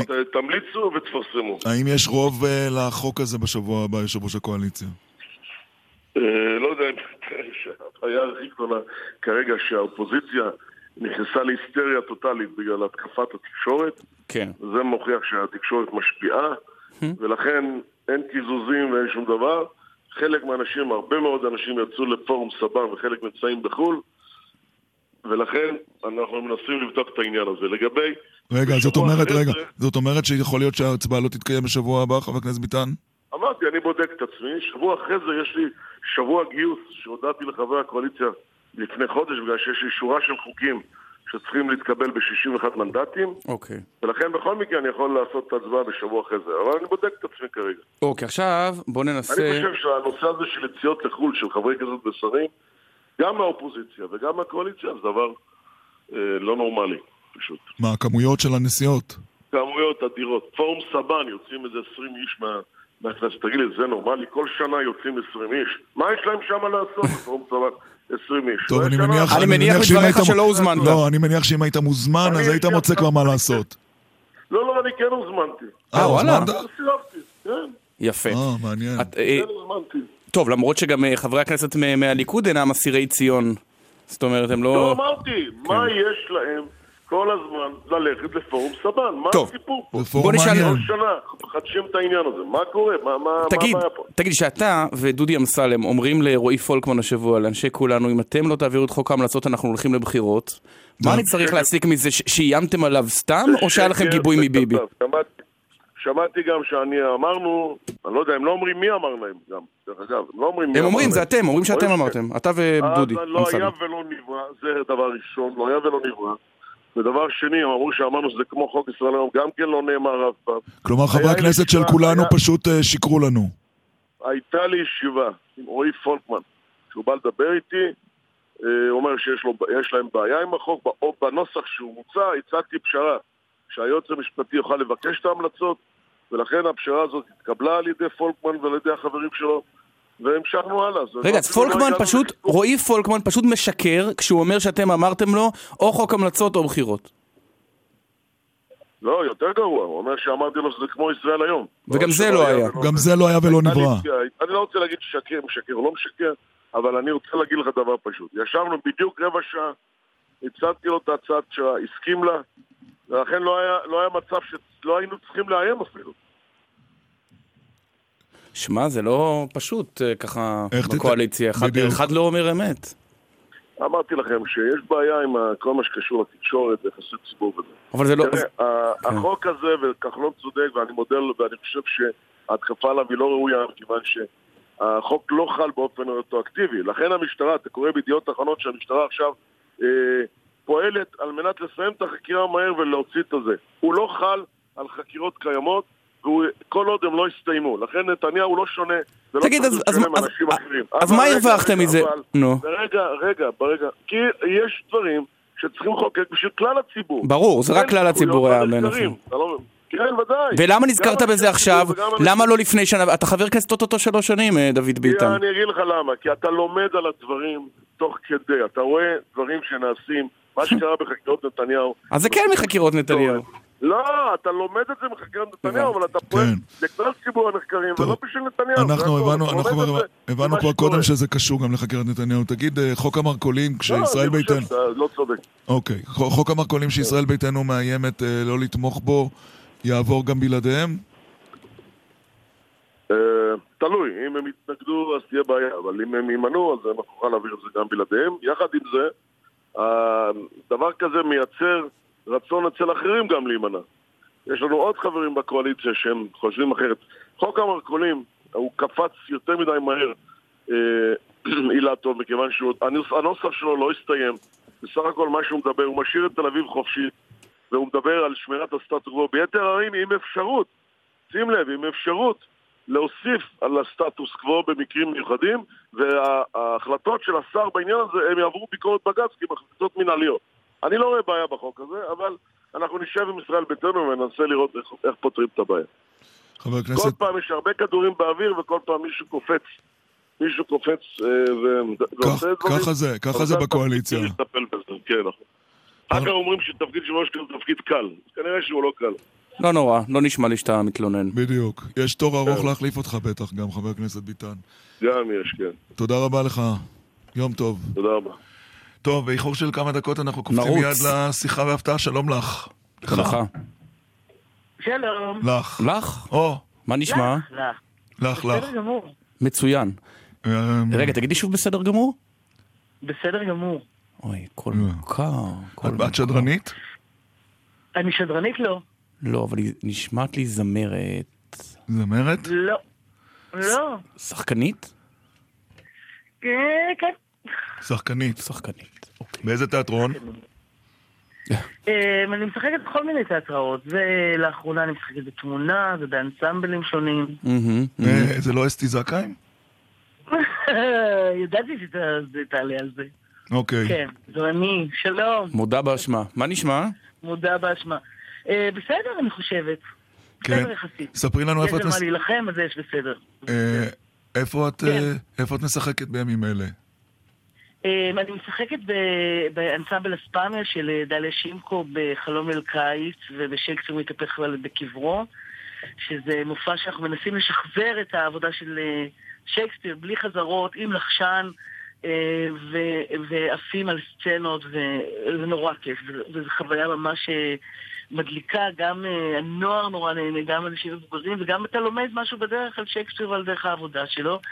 ואני משחקת באנסמבל השני שלי, אה, אה, אני משחקת באנסמבל כאן, הצגה שנקראת מבצע כפפות משי, אוקיי. והיא, ב, והיא במוזיאון ישראל. חוץ מזה, בשעות הפנאי את גם עורכת טקסי נישואים, נכון? אני עורכת טקסי נישואין, אני כמה כבר ערכת עד היום? אה, את יושבת ראש ארגון השחקנים, אה, נכון. בטח. 150, 150 חתונות? כן. תגידי, אז זה שאני... משהו כזה. אבל אם אני זוכר אותך לא מהחתונות ולא מחלום ליל קיץ שאתם נותנים לו עכשיו, אלא מעפולה אקספרס, זה אומר עליי או זה אומר על החוזק של התפקיד אז? אה, אני חושבת שזה אומר על החוזק של התפקיד אז, וזה שבעצם באיזשהו אופן, אתה יודע, אני אומרת, לא, לא הופעתי בכל כך הרבה אה, מיינסטרימים ולהיטים, אבל כל סרט שעשיתי משודר באיזשהו חג, עם עפולה אקספרס ב- ביום העצמאות, וליל סדר בפסח, והכוכבים של שלומי בסוכות, ויש איזה משהו כאילו דווקא בסרטים האלה שנהיה קלאסי ומשודר שוב ושוב ושוב, ויש דורות. שרואים את זה עוד ועוד ועוד, ואם יש לך וש- ילדים אז אתה רואה... ושם גם לא, לא מתבגרים, נשארים באותו גיל, זה נורא, נכון. נורא כיף. אה, אבל עדיין, אתה פגשת אותי לפני שבוע, ירון, אני נראית אותו דבר. לא הבנתי, יש פה ניגוד עניינים? מה זאת אומרת? לא, לא, זה היה באלף, כן, אנחנו... אסתי זכאים הייתה חיילת בגלי צה"ל פעם, רק באמת? כן, במחלקת המחשב. מחלקת, המ- עוד היו מחשבים, סליחה על השאלה. יצאתי להפקה והפקתי את נכון לעכשיו את אה, יומן השבוע וואו. של גלי צה"ל, וכן, וירון... סוף סוף מישהו מגל"צ הגיע. לאנשהו. כן, כן. מישהו התקדם, מישהי התקדמה. אבל לקולנוע בעינייך, את- כשאת בוחרת תפקיד, או כשמוצע לך תפקיד, את מתחברת יותר לבמה, קהל מצומצם, אינטימי, הזכרת את תיאטרון תמונה, או ללכת על הקולנוע במסות? מה... מה- תשמע, אה, מה עושה לך את זה? אני, אני, הד- הדרך שלי בעצם, בעצם ה- ה- הקולנוע וה- והתיאטרון הגדול, הרפרטואר וזה, זה, זה מין סייד כזה שלי, המיין שלי הוא, הוא בפרינג' ואני אוהבת את האינטימיות ואת הקהל מולי, ויש לזה איזו עוצמה אחרת, ובאמת אני חושבת שהתיאטרון, לפחות התיאטרון שאני עושה, הוא... כן. הוא הוא מחפש, הוא מחפש שפה חדשה, הוא מדבר אה, באופן שונה, באמת יש אה, את המגע עם הקהל, ויש גם את האומץ לעשות דברים שהם לא אה, קומדיות איקאה ו- ולהיטים בטוחים וכאלה. רק מסקרנות, כ- כמה כן. הצג- הצגת תיאטרון כזאת שהיא off Broadway במונחים של ישראל, כן, שהיא כן. לא ב- ב- באולם המרכזי של הקאמרי, כמה אנשים מגיעים אליה? מה הופך אותה לכלכלית, אם בכלל? היא לא כלכלית בכלל. היא לא כלכלית. לא כלכלית. היא- זה לא כלכלי, זה באמת איזשהו אקט אומנותי, ואני חושבת ש... אומנותי אם ונ- מסתכלים על הנשמה. על- על- ולמען הנשמה, אבל מעבר לזה, כי הר- ברוב, העולם, הדברים המעניינים והחשובים ומה שהתיאטרון באמת קורה, הוא מחוץ ל, לרפרטואר, ותוך עשר שנים הוא מגיע כן. למרכז, ואז יש דור חדש. מתחילים בפרינג' ואז מתקדמים. אבל אם- אם אם- אם עמית כבר העלה את זה, אסתי זכאים, אפשר להתפרנס מ- מלהיות שחקנית? כי את לא עושה פרסומות למיטב זיכרוני, ואני מניח לא, שמהחתונות אה, האלה, החתונות האלה... אה, יש מע- מעטי מעט שיכולים להתפרנס, שמתפרנסים באופן מלא ממשחק. אני, אה, אני מלמדת, ואני כל כך אוהבת את זה, שזה מזל, אתה יודע, שאני אומרת, אני לא מלמדת מלית ברירה, אלא... מלמדת תיאטרון. אני מלמדת תיאטרון, אני מלמדת משחק. אני לא, מלמדת כי עמית תכף ישאל אם את בספיר. מלמדת מחשבים. לא, לא, לא, לא. אני מלמדת בספיר את, הבמאי קולנוע וטלוויזיה, אה, הדרכת שחקנים ובימוי, ובספיר בשדרות, ואני מלמדת במעלה בירושלים את הבמאי. את מנהלת במעלה? איזה כן, יופי. כמה שנים. איזה כן. יופי. כן. מה- מה דעתך אה, על אה, בית ספר מעלה? בית ספר אה? סטודנטים דתיים. אני כל כך נהנית להיות שם. אני כל כך נהנית להיות שם. יש משהו דווקא... האמת היא שזה מבחינתי, מעבר לזה שאני נהנית ללמד, אני מרגישה שיש משהו במפגש שאני מגיעה, וכל הדעות הקדומות עליי, ואני מגיעה, וכל הדעות הקדומות שלי, ואנחנו עוברים את זה ויוצרים גשר, וזה צו פיוס, ודיבור משותף. אבל את יודעת, וכשיש הופעות בשטחי יהודה ושומרון, אין לך בעיה להופיע עם ככה, גשר לא. וכולי. אין לך בעיה. אבל את מספר 56 במרץ, אם אני לא טועה, נכון? זה נורא ריאלי גם. אוטוטו, ממש... הנה, אה, הם כבר על- עומדים על. שבעה, את מתקרבת. כן, נכון. שמונה תעודות מטוס ואת בכנסת. כן, אז תראה, אני, אה, אני חברה ממרצ, ואני אני יכולה, אני אומרת את זה שוב, אימא שלי חברת מרכז ליכוד, בן זוגי דתי, מתפלל איתך בבבלי, ו... אה, וואלה. ואחי ליכודניק, אתה יודע, אני, אני חיה עם, אה, עם רוב האנשים... דיסוננסים. לא שכחת מה זה להיות לא, יהודי. שהם בני אדם. שהם בני נכון. אדם, כמוני טוב. וכמוך. למען הגילוי. הנאות, אני רק אסיים אה, בכך שאני מאוד אוהב את אסתי זכאי ומכיר אותה מאז שירותנו הצבאי, ואני לא, לא אובייקטיבי בכלל כשאנחנו משוחחים עם אסתי זכאי. סגור סוגריים. זהו, אסתי שיהיה זכאי, בהצלחה. תודה רבה. בהמשך. בכיף, יום טוב, יום להתראות. קולנוע שמח לכולם, תלכו. אה, נכון, יום נכון, הקולנוע. עשרה שקלים, יום הקולנוע. כן. היום עשרה שקלים, היום שבו- לכו, פיגומים. נכון. היום שבו דורכים עליך ודוחפים. כן. אה, יפה. תודה אסתי זכאים, אנחנו נהיה כאן גם אחרי החדשות, דקל סגל וגלי צה"ל. להתראות.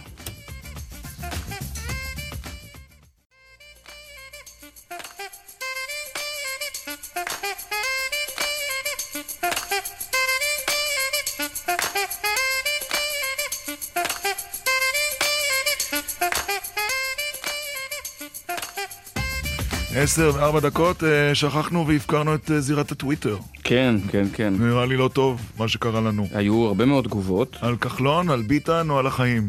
אה, יוסי כותב, חבר הכנסת רועי פולקמן משקר בלי בושה כדי לצאת יקיר התקשורת, כך עולה בבירור מהראיון של ביטן ושל כחלון, על התעתוע הזה הוא צריך לשלם בכיסאו. טוב, אני לא אפשר. לדעת אבל עדיין מי אומר אמת ומי לא. אבל לא, ברור הוא- דבר אחד, או ביטן או פולקמן, אחד מהם לא אומר אמת. אין, אין דרך עם כל הצער שבדבר, אין כן, דרך... אין אה, דרך ביניים. כן, לא אה, הבנתי, לא קלטתי, לא הייתי... אה, בסדר. חנן אומר, אני מקשיב לרעיון שלכם עם ביטן, מרוב שזה לא פופולרי אני חושש להגיד, אבל ביטן נשמע בסדר גמור, לא מנבל את הפה, לא מאיים, לא חורג משום נורמה, כל ההתנפלות על שניהם מסריחה מגזענות. טוב, מה שלא היה בתוכנית שלנו, לפי לא, לא, לפי דבר דבריו. כללית. אה, כן. אוקיי. עוד לאיזה ציוץ לפני המרואיין הבא שלנו? אה, יש המון. אה, באמת? כן. אה, מה עוד? אז אה, תבחר לך טוב, עוד אחד. אחר כך, בסדר. אחר כך, בסדר. אה, שלום לחבר הכנסת אה, עופר שלח, יש עתיד, ועדת החוץ והביטחון, מוסקבה. לא, מוסקבה, כנסת ישראל. אה, לא, היית במוסקבה. נכון, חזרת אבל הייתי- מוסקבה. הייתי במוסקבה ואף שבתי, כן. פרסמת פוסט אה, די עגמומי ביחס לביקור שלכם אה, במוסקבה. במקום שנקרא אותו, תגיד למה היית כל כך, למה הסיכום שלך הוא כל כך אה, שלילי. מפני שהביקור הזה, ונפגשנו עם אנשים רמי דרג, גם במועצה לביטחון לאומי הרוסית, גם בפרלמנט הרוסי, גם במשרד החוץ, גם בסביבתו של הנשיא, אנשים שמדברים עם הנשיא פוטין אה, אה, באופן קבוע, המעגל הפנימי. והוא אישש את מה שלצערי חשבתי קודם, אבל עכשיו שמעתי אותו מפי הדוב, לא מפי הסוס, אלא מפי הדוב. וזה שמדיניותו, או היעדר מדיניותו של ראש הממשלה ביחס למה שמתרחש בסוריה ומה שמתרחש אל מול איראן, אה, טופחת לנו על הפנים ומביאה למצב שבו בעצם אין שום מעצור בפני זה שכוחות אה, שלוחים איראנים, או אפילו איראן עצמה, תהיה במוקדם או במאוחר על הגבול עם ישראל, ואנחנו נמצא את עצמנו במצב של חיכוך עם איראן ממפגש הגבולות בין סוריה, ישראל וירדן בירמוק ועד הים בגבול לבנון. כלומר, אתה חושב שראש הממשלה, הזהירות שלו מופלגת? מה זאת אומרת הזהירות שלו מופלגת? כי אתה, כי נשמע שצריך לחתור לעימות כדי שהכוחות האלה לא יהיו שם. אם הרוסים לא לא, בולמים לא. אותם. אה, אה, מלחמה היא תמיד האופציה האחרונה. אני לא אומר, מדינה כשהיא מגינה על עצמה היא יוצאת למלחמה, אבל היא תמיד האופציה האחרונה. מה שמתקיים הוא שסירובו של ראש הממשלה לפעול יחד עם גורמים אחרים באזור כדי להחזיר את ארצות הברית לזירה, זה הדבר, זה הדבר העיקרי, היעדרה של ארצות הברית מהזירה ומזירת ההסדרה עם, אה, אה, בסוריה. והשיח המאוד אה, מצומצם שהיה לו עם הרוסים, שבו הוא שם מצד אחד את נכונותה של ישראל, ובזה אני כמובן תומך, להגן על עצמה, אבל מצד שני לא הרחיב את היריעה למהלך מדיני יותר רחב, יוצר מצב שבסופו של דבר אמרו לנו הרוסים, באופן הכי ברור, הרוסים הכי בכירים, חברים, לנו יש את האינטרסים שלנו. נו, וזה הפתיע- וזה הפתיע אותך, חבר הכנסת שלח? שהרוסים אומרים לנו יש את האינטרס רק שלנו. אל מול זה, אל מול זה נוקטים מהלכים מדיניים. נו, וראש אבל- הממשלה, המהלך המדיני שלו זה אבל- שהוא מצטלם עם פוטין בסוצ'י. התוצאה של הדבר הזה היא כישלון מוחלט. אבל הרוסים. אבל הרוסים זאת אימפריה של בכסות כזאת או אחרת של מאות שנים, יש לה את האינטרסים שלה. איך אמר צ'רצ'יל, אה, זאת אניגמה עטופה במסתורין בתוך חידה. זה, אז כל מה שהיה משנה את העניין זה אם לא היה ביבי שם אלא יאיר לפיד? זה לא, חבר'ה, אתם לוקחים את זה למישור שהוא לא שייך בכלל. תראו, אני חוזר ואומר, ואני אגב אומר את זה לא לפני הביקור במוסקבה, רק בביקור במוסקבה שמעתי את זה, ושמעו את זה גם חבריי, כולל אנשים מהקואליציה, באופן מאוד ברור מהרוסים. אל מול המצב הנתון, שבו לרוסיה יש אה, אינטרס, את האינטרסים שלה בסוריה.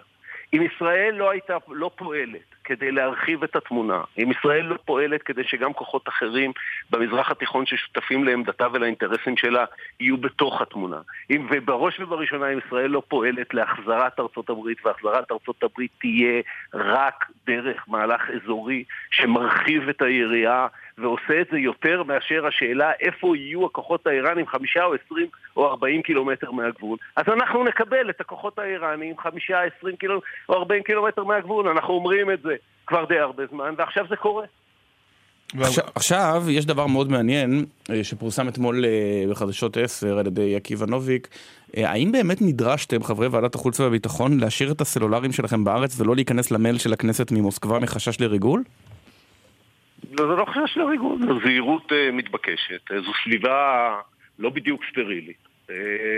במוסקבה, כמו שאתם יודעים, פועלים, אני לא חושב שהמשטר הרוסי מנסה לרגל אחרינו חס וחלילה. חלילה, זה לא קרה מעולם, לא. זה גם לא מעניין אותו.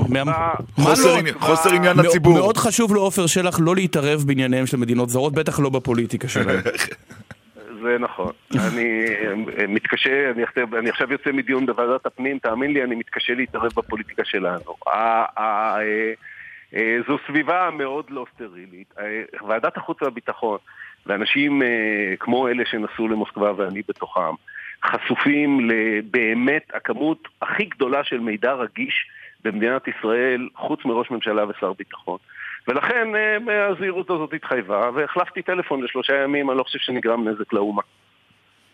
טוב. משהו uh, מעניין בוועדת הפנים שיצאת ממנה, או שאנחנו הכל סביב חוק ההמלצות? הדיון הוא בחוק ההמלצות, והאמת שזה, זה, אתה יודע מה? כמעט ליבי יוצא לחבר הכנסת דודי אמסלם, שיושב שם, גם אף אחד מהקואליציה, הרי כולם מתביישים, אז אף אחד לא בא לתמוך בדבר המגונה הזה. יושב שם, ועכשיו במחי יד ביטל את ההחרגה שכבר נעשתה לחקירות שמעורבים בהן אה, שב"כ או חקירות שנוגעות לעבירות מין וכן הלאה כדי כביכול לייפות את החוק הזה.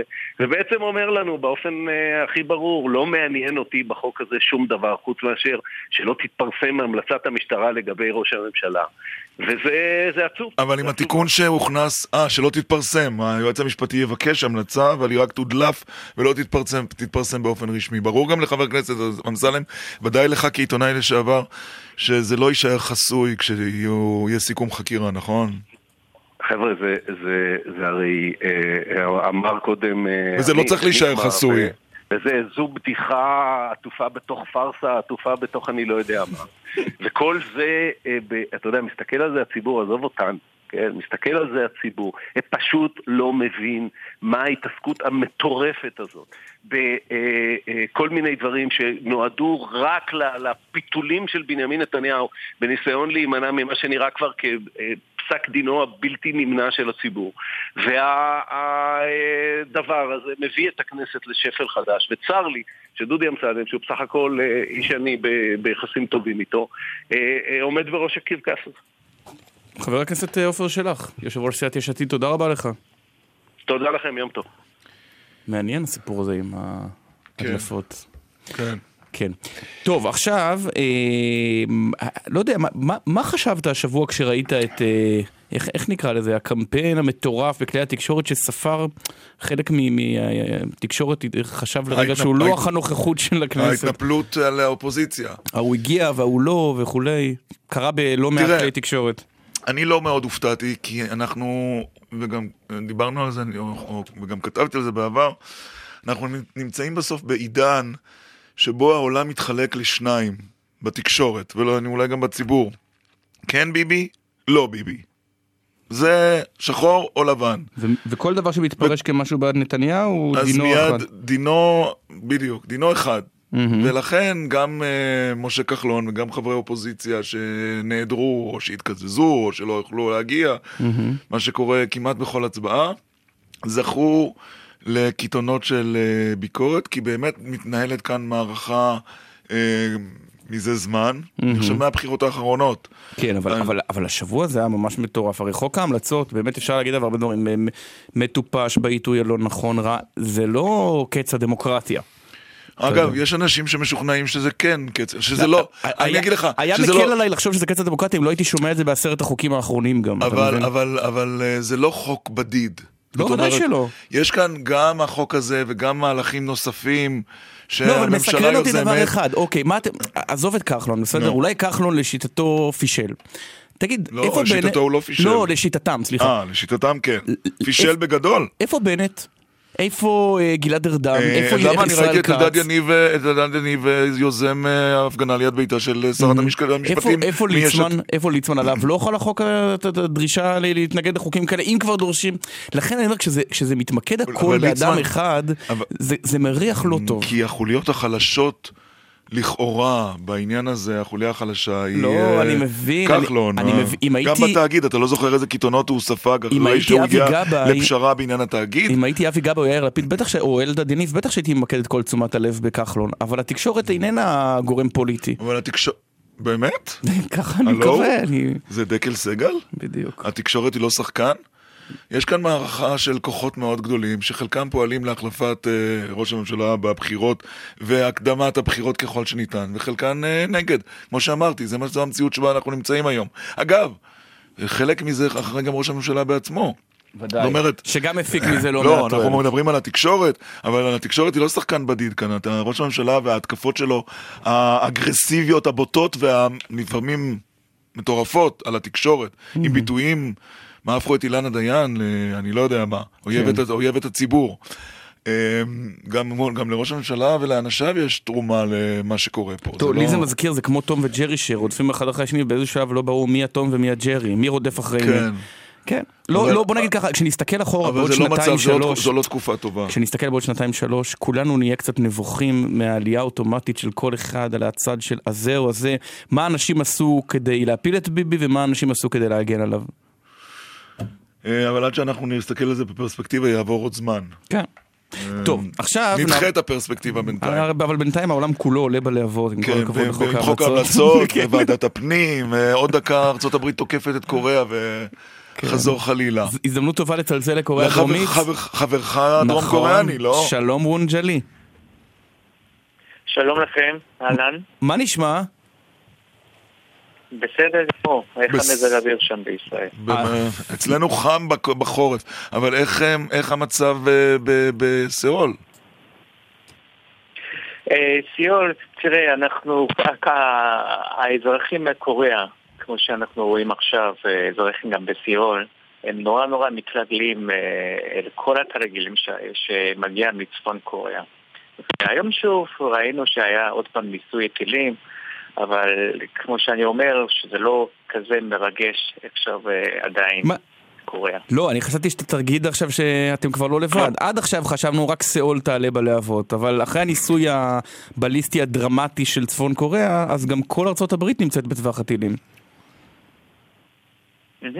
כן, נכון, אבל גם אם אנחנו חוזרים על ההיסטוריה של העבר, גם היית במקרים כזאת בינתיים. אז אה, אם אני מספר שמה בכלל ההתרחשות, ואני בינתיים לא רואה את ההתרחשות. לא רואה, בכלי התקשורת הדרום קוריאנית אה, לא מזהים את החשש, או מעבר לכך? אה, תראה, זה תלוי איזה תקשור- תקשורת כמובן, אבל בתקשורת מדווח מה שקרה כאן, וכמובן יש פרשנות אה, שזה עניין בנושא הזאת. ויש הרבה פרשנות אה, לגבי אירוע מה שקרה לפני, לפני כמה זמן, אבל רוב הקוריאה, גם אזרחים, הם יודעים שהראש של הצפון קוריאה, שהוא אוהב כל כך לעשות, אה, לעשות אה, שרירים, מהמם. ועדיין אה, פה האזרחים זה לא מתרגש. אבל, אבל תראה, אמרת לנו גם בפעם הקודמת שדרום קוריאה זה קצת כמו ישראל. בחדשות בעולם זה נראה כאילו הכל בוער ואתה מגיע ובסך הכל נהנה ובתי קפה ושגשוג כלכלי. אבל השאלה אם הפעם, כשיש גם את קים ז'ונג און וגם את דונלד טראמפ, אם אנחנו לא מגיעים במהירות למצב שבו הפעם זה יתלקח. תראה, אני חושב, אני- ככה אני חושב, כי אני בעצם קוריאני גם חייתי אה, ביה 20 שנה גם בישראל. והייתי, ראיתי את העופרי יצוקה, גם המלחמות האחרות. וכמובן תקשורת, אה, שאירועים, תקשורת בעצם מביאה כמקרו. אבל מה שקורה פה, שאנחנו, שזה לא אנשים שמתרגשים בעניין הזאת. ודבר שני בעניין, שכנראה, כנראה העם קוריאני עד עכשיו נורא נורא ראו כל כך הרבה פעמים תרגילים והרבה מקרים כאלה, כנראה זה פשוט לא מרגש. יכול להיות גם, זה לפני כמה שנות התשעים, סליחה. כן, כן לא, אבל, אבל האם בשיחות היומיומיות, שאתה פוגש אנשים, בין אם במקום עבודה, אתה מנכ"ל בית השקעות בקוריאה הדרומית, או בנסיבות חברתיות, מדברים על, uh, הנה הניסוי של uh, צפון קוריאה, או שמדברים על uh, נושאים אחרים? זה, זה, זה באמת תלוי, אבל לא, לומר את האמת, אני, אני בטוח שאתם זוכרים את האירוע הקודם, שהייתה מתח נורא נורא גבוה. אז האנשים, אז התרגשו בעניין הזה שם.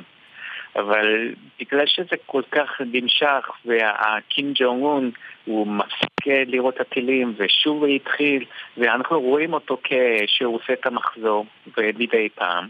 ונכון, יש את דונלד טראמפ עכשיו גם נמצא בתוך התמונה הזאת, אבל אנחנו ראינו את זה גם בשנות ה-90 שהייתה מקרה כזאת, ולא קרה שום דבר בעניין הזה שם. וכנראה שאנשים לא יותר מדי מתרגלים מהתופעות של מה שקורה עכשיו. טוב, יש לך זמן גם לדבר על נושאים אחרים, או רק על צפון קוריאה? כי יש לי שאלה אחרת לשאול אותך. כן. אצלכם הנסיעה אה, הלכה לכלא, על שחיתות. היית גם בישראל 20 שנה. מה אתה יכול להגיד לנו ככה במבט מעשר שעות טיסה על, אה, על השחיתות בישראל? אנחנו יותר ממדינות אחרות, פחות, אותו דבר? אה, אז סליחה שאני לא כזה עקבתי עכשיו חדשות מה שקורה בישראל. ותראה, קורה עכשיו אה, מדינה דמוקרטית, והעם שראה בזה שזה שחיתות, וככה זה נעשתה עכשיו אה, גם בבית המשפט וכו'. אני חושב שזה בעצם העיקרון של הדמוקרטיה בנושא הזאת. אבל השחיתות זה נושא שמטריד את האזרחים בדרום קוריאה, כי לפעמים בישראל נדמה שאנחנו טובעים בים של שחיתות ואנחנו אולי גם קצת התרגלנו. כן, זה תלוי איך אפשר להגדיר שם. נניח שר, ש... שר, שהיה, שר שהיה בכלא, יכול לחזור לממשלה אחרי שהוא היה בכלא בסיאול? אה, קורה זה בלתי אפשרי. Mm, מעניין. ת, תגיד, ונניח מה היה קורה אם הנסיעה אצלכם או הנשיא היו מקבלים סיגרים ושמפניות? או שמזה אתה פחות מתרגש? אה, אה סליחה, לא שמעתי שוב. אצלנו ראש הממשלה קיבל סיגרים ושמפניות, וחצי מהעם אומר שזה שחיתות איומה, והחצי השני אומר שזה מתנה. מה היה קורה בדרום קוריאה לדעתך? לא, זה, אני לא חושב שזה, ב, איך זה מגדיר, זה תלוי לפי בית ה... את הכלב לפי הרגולציות, אני חושב. אה, אוקיי. טוב, בסדר. אה, קוריאה, קוריאה זה, כן, כן אנחנו לא בקיא בעניין הזה שם. אוקיי, התחמקת באלגנטיות. בקיצור, אם לסכם את העניין, לחזור לסיכום העניין, אתה אומר, תבואו לבקר בסיאול, הכל בסדר. אין חשש. לא צפויה מלחמה בקרוב. אה, כן, אז בעצם, אני בעצם, אני העד שאני גם אה, חייתי בישראל, כן. ואני זוכר את אז שכל הקוריאנים, חברים, משפחות, תקשורת, אותו דבר באפר, התקשרו אליי שאני נמצא בישראל, וחשבו לזה. גם בתקשורת, ורואים את ספרי סוכר, וכל מה שהתרחש גם בתמונה, אבל יש איזו טעות שכולם חושבים שזה כל הישראל במלחמה, אבל לא, הייתה כן. אזורית.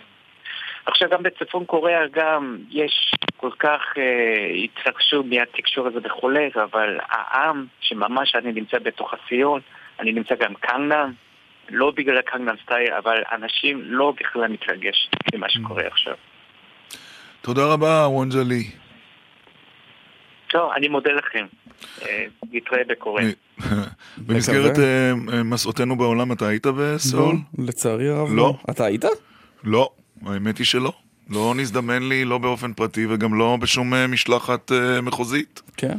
כן, אה, צריך לרשום את היעד הזה. לא, מישהו צריך לבחון שם את ההיערכות הדרום קוריאנית למלחמה. אני רושם את זה כ... חומר מקצועי, מה השאלה בכלל? נכון, זה ביקור... אין ברירה, אין ברירה. טוב, נשמע איזה שיר כן. לנוח? טיפקס. מוקדש לשר יעקב ליצמן שהתפטר.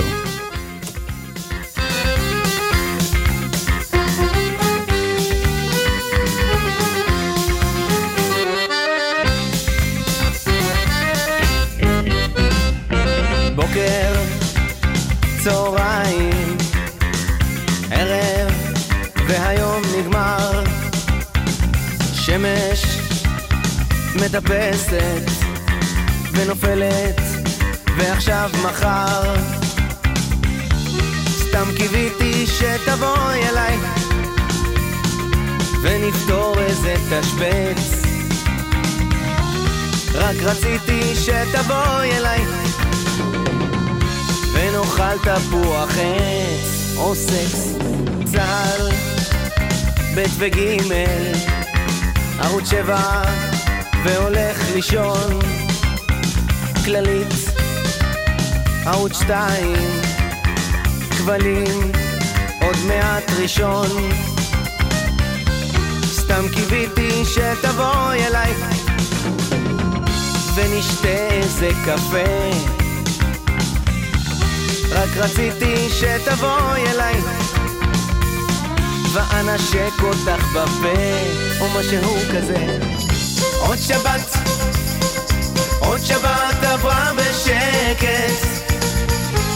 גם דביקה וגם חונקת. עוד שבת יפה של קיץ. שוב עברה לי בלעדייך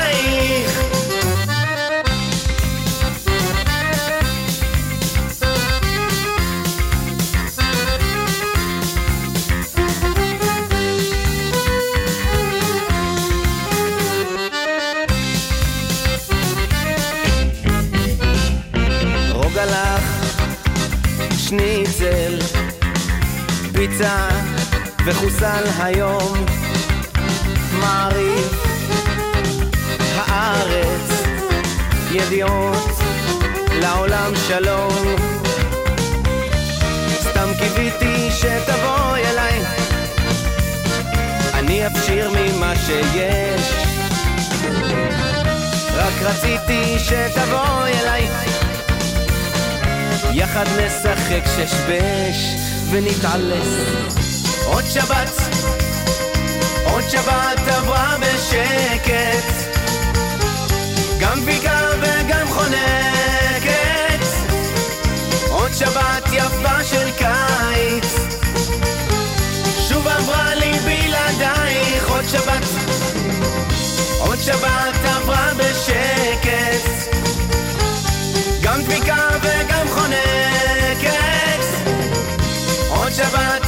יפה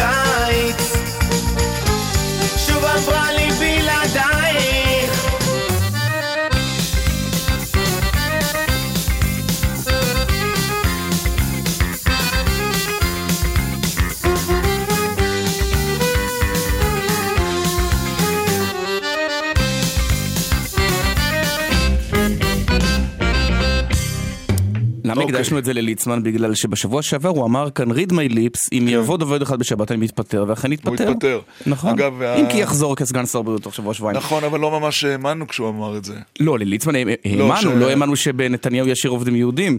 אה, כן. טוב. עכש- עכשיו... אה, יש איזה כן, לא משהו כו- באשטג דקל סגל? לא כולם אהבו את אה? ביקורתנו המתונה על הקמפיין התקשורתי נגד אה, האופוזיציה והיעדרויותיה. אה. באמת דקל סגל כותב תום, לרגע לא הייתי בטוח אם אני מקשיב לדקל סגל או לאראל סגל.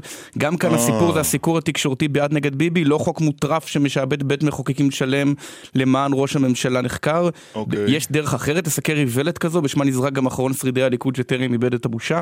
זה אחד. כן. והשני, אה, אלי כותב, עמית סגל ממשיך להתפתל סביב תמיכתו במשטר שתומך במישהו שנשמע כמו מוסוליני. או-אה, כן. טוב. כן, כן, טוב, כן. זה חריף. כן, אה, אז, אז רק נגיד שחשוב לשמור על פרופורציות גם כשיש משהו שלא מסכימים אליו, ואפילו לא מסכימים אליו מאוד. הרי מה העניין? כן. כש, כשיגיעו חוקים... מה ב- אתה רוצה לומר להגנתך בעקבות הציוץ הזה? קודם כל, אני רוצה לתת למען מוסוליני. שתיים, כן. לא, שתיים, ברצינות, איך נגיד את זה, ראית השבוע בשם הדמוקרטיה קריאות לא לראיין את ביטן ואמסלם, בעיתון הארץ נדמה לי קראו אה, לתקוף את Mm. נתניהו לא, בתקשורת. מלחמה. כי- כן, כאילו עד עכשיו באמת, מלחמה. כן, הערה אחת אחרונה. השאלה אם, כן. השאלה, תכף הערה אחרונה, השאלה אם הרי אחרי עידן נתניהו, מתי שזה לא יהיה, נחזור לתקופה שלפני עידן נתניהו, או שברגע שהלכנו, לא. כשהכל הוא כל כך בוטה, וולגרי, חריף, בוא. אמוציונלי, אי הרי יש אפשר כאן גם לדעת. יצרים. אני מגיע, הוא רוצה להגיד לך שב... פעם זה לא היה ככה. בניגוד ל... נכון, א' זה הרשתות והכל, אבל כל מי שחושב שהמצב הוא עכשיו יישאר לתמיד, לדעתי אנחנו צפויים בקרוב לרנסאנס של מרכז גדול, שנמאס לו, שלא חושב שהוא חייב לחלק כל בוקר את העולם, אם השמש זרחה זה בעד ביבי או נגדו. רנסאנס של מרכז גדול, רנסאנס יוד של... לפיד? לא, יוד לפיד כללית הרנסאנס של? הטון, שנמאס כבר קודם השיסוי.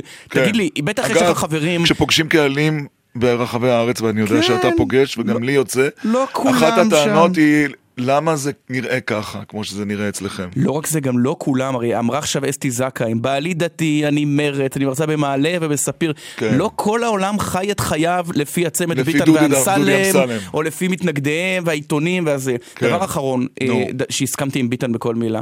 תגיד לי, מה? חיים סבן, אין לו אינטרסים בישראל? הוא לא היה פה משקיע כן, של חברת סלולר. גדולה? הוא לא, אין לו מפעלים? מה זה נו. הדבר הזה שהפוליטיקאים צועדים עליו בסך? מה זה הדבר עכשיו הזה? נזכרת אחרי 12 שנים? הגיע הזמן לשים לזה סוף אולי, לא? כל לא. שנה, סבן קורא וכולם טסים בפרסט או בביזנס אבל א', ולמחלונות. אני השתתפתי בפורום סבן בעבר אה, כמה פעמים. אה, יש שם גם מידע מעניין. אתה לא יכול לבטל את זה כשבכירי הממשל לשעבר או בהווה באים לדבר באופן גלוי בשיחות לא לתדרוך. יודע, מה זה הדבר הזה שכולם אה, זה, אבל יש, יש פה עניין אולי, ש... אתה, אולי אתה צריך לנסוע פעם כדי חיים להיווכח. סבן נורא רצה שיהיה לו ראש ממשלה ושרים, הוא נורא רצה להיות שלדון? רק מהצד השני, לא כל כך הוא גם הסתייע. תמך במועמדת לנשיאות ארצות הברית. וגם בארץ, לא הסתייע כל כך, אז נו. הוא מתנחם בדבר הזה, לא יודע, נראה לי קצת הזוי. טוב, טוב. אה, לי פחות. אני מעדיף נסיעה לדרום קוריאה. עכשיו בגלי צה"ל, ירון דקל ועמית סגל. טוב, הזכרנו את זה בשיחה עם שר האוצר, אמ, ולא ענית בדיוק על השאלה שלי, איזו מהן? ההשקעה בביטקוין. אני חושב שמי שהיה משקיע בביטקוין והיה לו שכל, כן. לא היה מסתפק באיזה שבריר ביטקוין כדי להגיד בוא נרכב על הגל, היה קונה 100. היה לוקח הלוואה. מאבא ואימא, מהדוד, קונה ונהיה היה עכשיו יושב בתור אדם עשיר על אה, כמה, נכון עכשיו מיליון כן. דולר, ללא מס כרגע. ללא מס כרגע. אבל כ- השאלה אם אפשר למסות את זה. טוב, הדגש הוא על כרגע. בוא, בוא נצרף לתהיותינו מי שאני חושב יכול לבאר את עינינו בכמה וכמה נושאים הקשורים לביטקוין. אה, דיקן בית הספר טיומקין לכלכלה, ראש מכון אהרון במרכז הבינתחומי, ולענייננו גם המשנה לשעבר אה, של נגיד בנק ישראל, פרופסור צבי אקשטיין. שלום, פרופסור אקשטיין. שלום, בוקר טוב. הפתיעה אותך הנסיקה הזו של המטבע הווירטואלי? אני יודע אם זה הפתיע אותי, זה מטבע, זה, קודם כל זה לא, קוראים לזה מטבע, אבל זה נכס פיננסי עם אה, שונות מאוד מאוד גדולה, זאת אומרת, הוא עולה, הוא גם יורד מהר, כמו שאתם יודעים, הוא עלה מאוד מהר, ולמחרת הוא גם ירד, והוא, מאחר והוא עולה ויורד מאוד מהר בערך שלו, אז אה, אין לו... אין לו, יש לו בעיה בתור מטבע, אחד הדברים. החשובים של אה, מטבעות. זה יציבות. זה יציבות, ולכן זה שהם קראו לזה ביטקוין זה היה כלי פרסומי מצוין, אבל בעצם זה נכס פיננסי, והיתרון הגדול שלו שהוא מאפשר לעשות uh, טרנזקציות uh, בינלאומיות בעלויות יותר נמוכות ממה שהמערכת הבנקאית נותנת. אבל זה לב העניין. במיוחד טרנזקציות בסכומים גדולים, ולכן יש לו ערך בשוק. אבל זה לב העניין, הרי אומרים שזה מטבע. אה, אבל ככל שהמטבע הזה מטפס זה לא ומטפס, מטבע. זהו זה בדיוק, לא- אבל ככל שהוא מטפס, לא, וגם מתגאים לא בזה יודע. שיש חנויות שאתה יכול לקנות בהן בביטקוין, אבל האמת היא שככל שהמטבע עולה, השימוש בביטקוין ירד, למה? כי אם יש לי יש ביטקוין, אה, חנויות שאתה יכול לקנות בבולים. הבנתי, אתה אומר גם אז לא להתרשם מזה יותר מדי. אז, אז אולי הביטקוין הוא בעצם כמו, כמו זהב, הוא מין איזה סחורה עם היקף מוגבל. דקה, קודם כל צריך להגיד, זה, זה מכשיר חדש שהוא אה, עושה, יש לו את המושג הזה שנקרא בלוקצ'יין, הוא עוקב אחרי, לכ- בכל נקודת זמן אה, יש מידע מלא למי יש את הנכס הזה, וזה תוכנת מחשב מאוד מאוד מורכבת, מאוד מאוד יקרה, והתוכנה הזו כשלעצמה מאפשרת לעשות אה, העברות אה, כספים בינלאומית בעלויות יותר נמוכות מהעלויות הקיימות היום במערכת הבנקאית וכן הלאה. ולכן יש לו ערך אה, לשוק. אה, מצד שני, הצורה שהכמויות שלו גדלות והצורה שהוא נסחר והעובדה שאין עליו, אה, אפילו אנחנו לא יודעים מי יצר אותו, את הביטקוין הספציפי, כן. אז אה, יש הרבה... היו. כל מיני טוענים לכתר. והביקושים של אליו, אה, אה, הוא, הוא בעולם, זאת אומרת, יש לנו הרבה אנשים בעולם, כמה מיליארדים, ואנשים מתלהבים, ואחר כך הם נסוגים, ו, ולכן יש אי ודאות גדולה. וחוץ מזה, הם קמים לו מתחרים. ויכול להיות שלאורך זמן, בסופו של דבר, ערכו ירד ירד. כן. יכול להיות שהוא גם יתייצב. עכשיו תנסה לחשוב, ב... לחזור אחורה להיות משנה נגיד בנק ישראל. נניח שיש דיון עכשיו ואומר, מה אנחנו עושים עם הביטקוין הזה? כבר יש לא מעט מיליוני דולרים של ישראלים שם, האם אנחנו מטילים על זה מס או לא? מה היית עושה? ואיך? דקה, מה זה מטילים על זה משהו? הביטקוין זה נכס פיננסי שנסחר בבורסות. ולכן חלים עליו כל חוקי, ה... כל חוקי ניירות הערך צריכים לחול עליו כמו שחלים על כל נכס פיננסי, הוא נכס פיננסי. אז למה שר האוצר היה צריך להקים ועדה כדי לדון בזה, אם זה כל כך פשוט? פרופסור אקשטיין?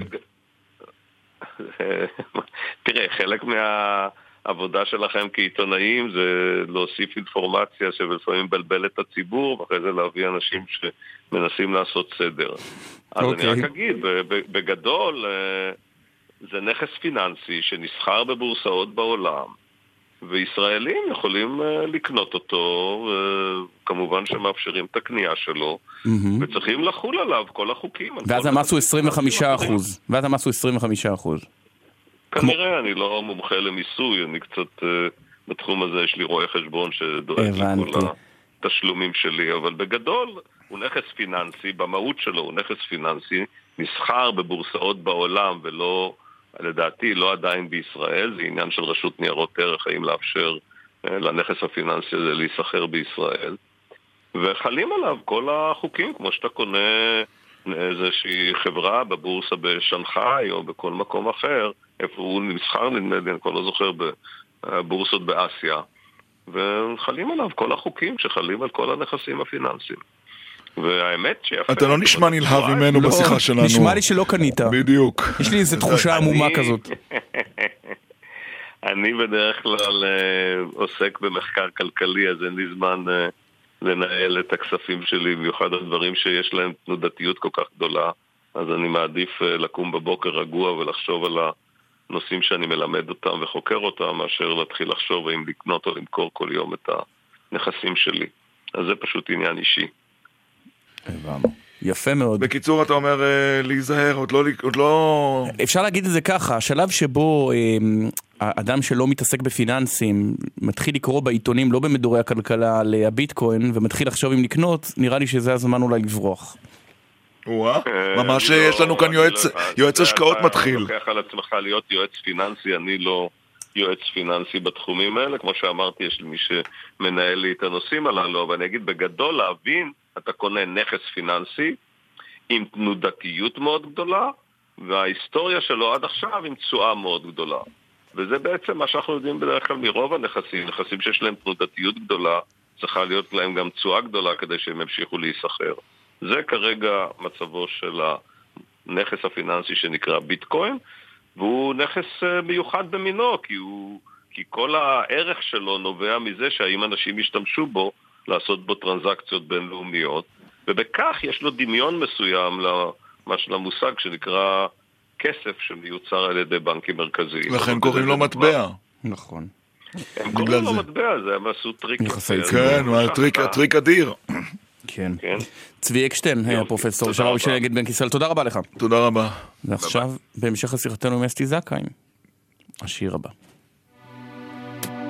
זה מעפולה אקספרס. נכון.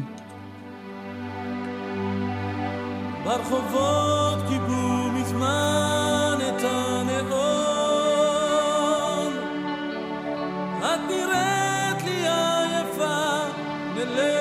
נלך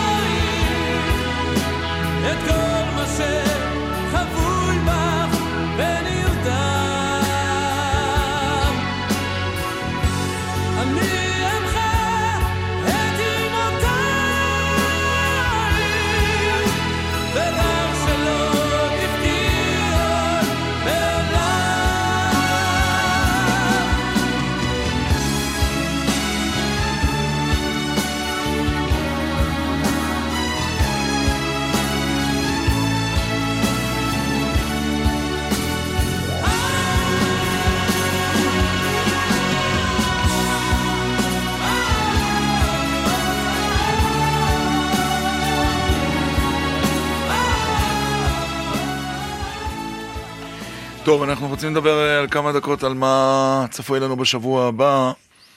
אחד מאוד, אה, עוד שבוע בתחום אה, ענייני החקירות. אגב, הכותרות, ראיתי הבוקר בידיעות, נכון? מידיעות שמה? אחרונות.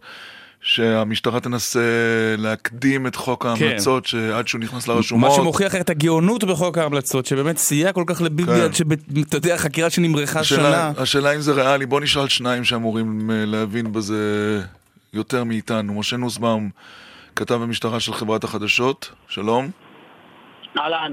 אביעד גליקמן, כתב אה, משפט, חדשות 10, ערוץ 14. בוקר טוב. מה יותר הגיוני מזה? כן. בדיוק. אה, כמעט נוס- כמו חדשות 2 בערוץ 12 ו-13. בדיוק. משה נוסבאום, אה, זה ריאלי לגמור חקירה של שנה בשבועיים? לא, ממש לא. לכן גם הכותרת, אה, עם כל הכבוד, אין היתכנות לכותרת הזאת. החקירה הזאת לא תסתיים תוך שבועיים, גם לא שלושה. אנחנו נמצאים עכשיו בעצם ממה שרוני אלשיך המפכ"ל דיבר לפני שנה באותה התבטאות אומללה. כעת אנחנו באמת בישורת האחרונה. אבל היש, הישורת הזאת לא תסתיים בתוך שבועיים שלושה. ואם יורשה לי, משתת... כמובן מצטרף לדעתו של אה, נוסבאום. לא כמובן, למה? לא אה, חייבים ראש להסכים על כל דבר, כן. לא, לא, במקרה הזה בוודאי, כי תחשבו שראש הממשלה צריך לחקר לפחות עוד פעם אחת, אם לא יותר, לדעתי גם זה יהיה פעמיים שלוש. יש לו לו"ז משלו. הוא צריך לקבוע, זה לוקח זמן, זה לא מהיום להיום. אבל אביעד, גם, גם אחרי החקירות האלה, האם, האם לא צריך השלמות חקירה? נניח נתניהו אומר, אה, שאתם שואלים אותי על X, בואו תלכו ל-Y, הוא יספר לכם את האמת, אז צריך ללכת גם ל-Y לגבות ממנו עדות, לא? נכון, אבל השאלה מתי במשטרה ובפרקליטות שמים לזה סוף. כלומר... הם לא שמים אה, לזה סוף, למה שמים לזה לא, סוף? לא, אני אסביר. מתי שמים לזה סוף? כלומר, גם אחרי שהמשטרה מעבירה את ההמלצות שלה, או מסכמת חקירה, תקראו לזה איך שתקראו לזה, וזה עובר לפרקליטות, גם אז, כמו שעמית אמר, יש השלמות חקירה. במסגרת השלמות החקירה האלה, גם אז נתניהו יכול להיחקר עוד פעם, או לגבות עדות מאדם כזה או אחר, ולכן... גם אז אנחנו, דרך אגב, זה יקרה גם אם אה, המשטרה לא תרצה, זאת אומרת, זה דברים כן. שקורים כל הזמן. נוסבאום. ולכן אה, אנחנו נראה את זה שוב ושוב. נוסבאום, תן לנו איזה תאריך יעד משוער שבו לא נתפוס אותך במילה על מתי המשטרה אומרת, אנחנו בשלב הזה סיימנו, זה עבר לפרקליטות למרות שיש פרקליטה מלווה שהיא פרקליטת המחוז. מתי זה יקרה, המשטרה תאמר לנו, סיימנו? ינואר-פברואר להערכתי. של איזה שנה? עד אז. אחרי החגים, אחרי החגים. בוא נלך על, אה, על פברואר, בסדר? כי ינואר, אה, אני רוצה על המקל. אני, אם אתה, אם מתאים לך יותר ביומן שלך, ירון. פברואר. לא, אני זוכר רגע, את המפכ"ל אומר עוד כמה שבועות, רגע, אז ואז נוסבאום, זה עברו באמת שעברה היה שנה. בינואר. נוסבאום, אז רגע, תן לי להבין. נניח נגמר בפברואר, ואז צריך עוד חצי שנה בערך להחלטות, זה מביא אותנו לאוגוסט, ואז אומרים לנתניהו שימוע. שלושה חודשים. הכנה. איזה שלושה? חמישה, ואז אתה מגיע לינואר ה-19, ואז עוד ארבעה חודשים להחליט. לפני מאי-יוני 19 אין אה, החלטה סופית. אה, בגדול אני הייתי מכווץ את זה. אני הייתי מכווץ, אתה נתת עכשיו לו"ז אה, מקסימלי. לא מסכים איתך, למה שרה נתניהו קיבלה ארבעה חודשים לשימוע, אז נתניהו על תיק יותר משמעותי. לא- השימוע של נתניהו יהיה הרבה יותר זמן, ייקח הרבה יותר זמן. זה מה שאני חושב. אני לא, אני לא בטוח, אני לא בטוח, אנחנו גם חשבנו שהחקירה תימשך יותר, והנה פתאום היא מתכווצת לנו, והיא נעשית מהירה יותר. אני חושב שגם בהליך, התהליך בפרקליטות כן. של בחינת החומרים והסיכומים יהיה זריז יותר הפעם, מאחר ובאמת בתיקים האלה הפרקליטות מאוד מעורבת, הפרקליטות כאן נטוי היועץ המשפטי לממשלה, ולכן זה לא צריך לקחת חמישה-שישה חודשים. אבל אני רוצה להכניס כאן, אה. אני רוצה להכניס כאן מחשבה זדונית ברשותכם. אולי היועץ המשפטי לממשלה אביעד גליקמן רוצה שלפני החלטתו יהיו בחירות בישראל? אני לא מאמין, אני באמת אוקיי. חושב פה... לכן אמרתי, זה זדוני. לא, זה מאוד, אה, שמענו הרבה טענות ויש את ההפגנות מול ביתו של מנדלבליט, אבל באמת אה, אי אפשר להגיד שהוא לא עובד ופועל. נכון, יש הרבה פעמים חילוקי דעות בינו לבין ליאת בן ארי, פרקליטות מיסוי וכלכלה בקשר לתיק הזה. כן. שהיא מלווה את התיק, אבל זה באמת אה, ויכוחים לגיטימיים, הוא באמת נותן לחקירה הזו את כובד משקלו, וכמו שנוסבאום אמר, הוא גם באמת שותף פעיל, אני יכול להגיד לך שבחקירות נתניהו ממש... הוא והצוות שלו רואים את החקירה אונליין ואחרי זה זה עובר עליו מהר אבל כמובן שאחרי זה יצטרכו השלמות, אה, אני לא יודע אם זה ייקח חצי שנה כמו שעמית העריך, אבל זה ייקח כמה חודשים. טוב, יכול להיות שניפגש בתוכנית הזו בעתיד, בשנה וחצי הקרובות. אה, תודה רבה. בשמחה. משה. נוסבאום. חדשות 2, 12, 13, אביעד גליקמן, ערוץ 10, 14. אני חושב שאמרתי את כל המספרים הנחוצים. תודה רבה. להתראות, יום טוב. אה, קצת אחרי רבע ל-11, זמן לאישה מן היישוב. אישה מן היישוב? מהממרר? אסלה גאנם. שלום. הלו? אסלה, מה. נשמע? בסדר, תודה, מה שלומכם? איפה אנחנו תופסים אותך? אה, פה בתל אביב. איפה בתל אביב? אני במגדלי תל אביב. אוקיי, ואת אני עובדת בסופר פארם. את רוקחת. אני רוקחת אחראית, כן.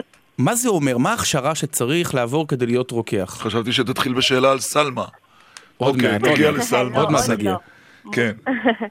טוב, כדי להיות רוקחת זה לא הכשרה, זה באמת אה, תואר אה, ראשון ברוקחות שעושים אותו באחת מהאוניברסיטאות, ואז עושים חצי שנה של סטאז', ואז מקבלים רישיון לעסוק ברוקחות. כמה זמן את רוקחת, אה. סלמה? אה, אני אומר, אסלה. אסלה, סליחה. וואי, זה היה נורא. אה, נכון. אני כמעט חמש שנים רוקחת. ותמיד עבדת בתל אביב או שעבדת גם במרר? לא, אני עבדתי לא במרר, אני עבדתי בקריות, באזור הקריות, עבדתי גם בכרמיאל. אני אה, חמש שנים, אה, כאילו חמש שנים רוקחת, אני עבדתי שלוש שנים כמעט אה, בצפון, ואז עברתי למרכז. אבל את נוסעת כל יום ממרר לתל אביב? כן, וואו, זה ארוך. כן. זה ב- ארוך, כן, אבל אני עושה את הנסיעות ברכבת, כך שזה אה, יותר קל. ו- אבל אין- וזה אין זמן רכבת ממרר. יכולה לעשות. אין רכבת ממרר. זה מכרמיאל, זה מכרמיאל על יד. יפה. ואז את מגיעה ממרר לכרמיאל ברכב. כן, באוטו שלי. אוקיי, עכשיו תגידי, אה, להיות, להיות רוקח, לכאורה מצד אחד זה רפואה, זה דבר מאוד מסובך, מצד שני זה תפקיד במרכאות בלי תהילה, הרי את רק כאילו ממלאת את ההנחיות, את המרשמים שנתנו כבר רופאים, נכון? אז מה האתגר המקצועי בעבודה הזאת? טוב, אז ככה, אני פה כדי לשבור את כל הסטיגמות שיש. Uh, קודם כל, אנחנו לא רק ממלאים את מה שהרופא רשם, אנחנו בעצם נמצאים, אנחנו החוליה האחרונה בשרשרת הטיפול התרופתי, אנחנו הבן אדם האחרון שהמטופל פוגש לפני שהוא לוקח את התרופה. אז גם אם זו תרופה ללא מרשם, שזה לא, ללא צורך, אין צורך במרשם, והלקוח בא ומעלה לי את הבעיה ואז אני מייעצת לו על טיפול תרופתי, גם אם זה מרשם של רופא, אנחנו, אנחנו האנשים שמגלים את כל הטעויות, את כל הבעייתיות שיכולה להיות במרשמים. כן. אה, ואנחנו אלו שמוודאים שבאמת הוא מקבל את התרופה הנכונה, בזמן הנכון, במינון המתאים. אז זה, זה, זה לא, למרות שהרבה אנשים חושבים שרוקח זה רק מישהו שנותן את התרופה, זה לא נכון. אה, תואר לימודי רוקחות, אה, במיוחד איפה שאני למדתי באוניברסיטה העברית, הוא תואר מאוד קשה Mm. אה, ועמוס בחומר. הרבה מאוד אה, רוקחים ורוקחות הם אה, מהמגזר הערבי בישראל, אה, כולל כמובן גם במרכז, את הזכרת שאת עובדת בתל אביב. הסוגיה הזו של... אה, לא, למה בעצם קודם כל? בוא נשאל, למה זה רוקחות נהייתה מקצוע של רק של לא יהודים? לא רק של. כמעט רק של.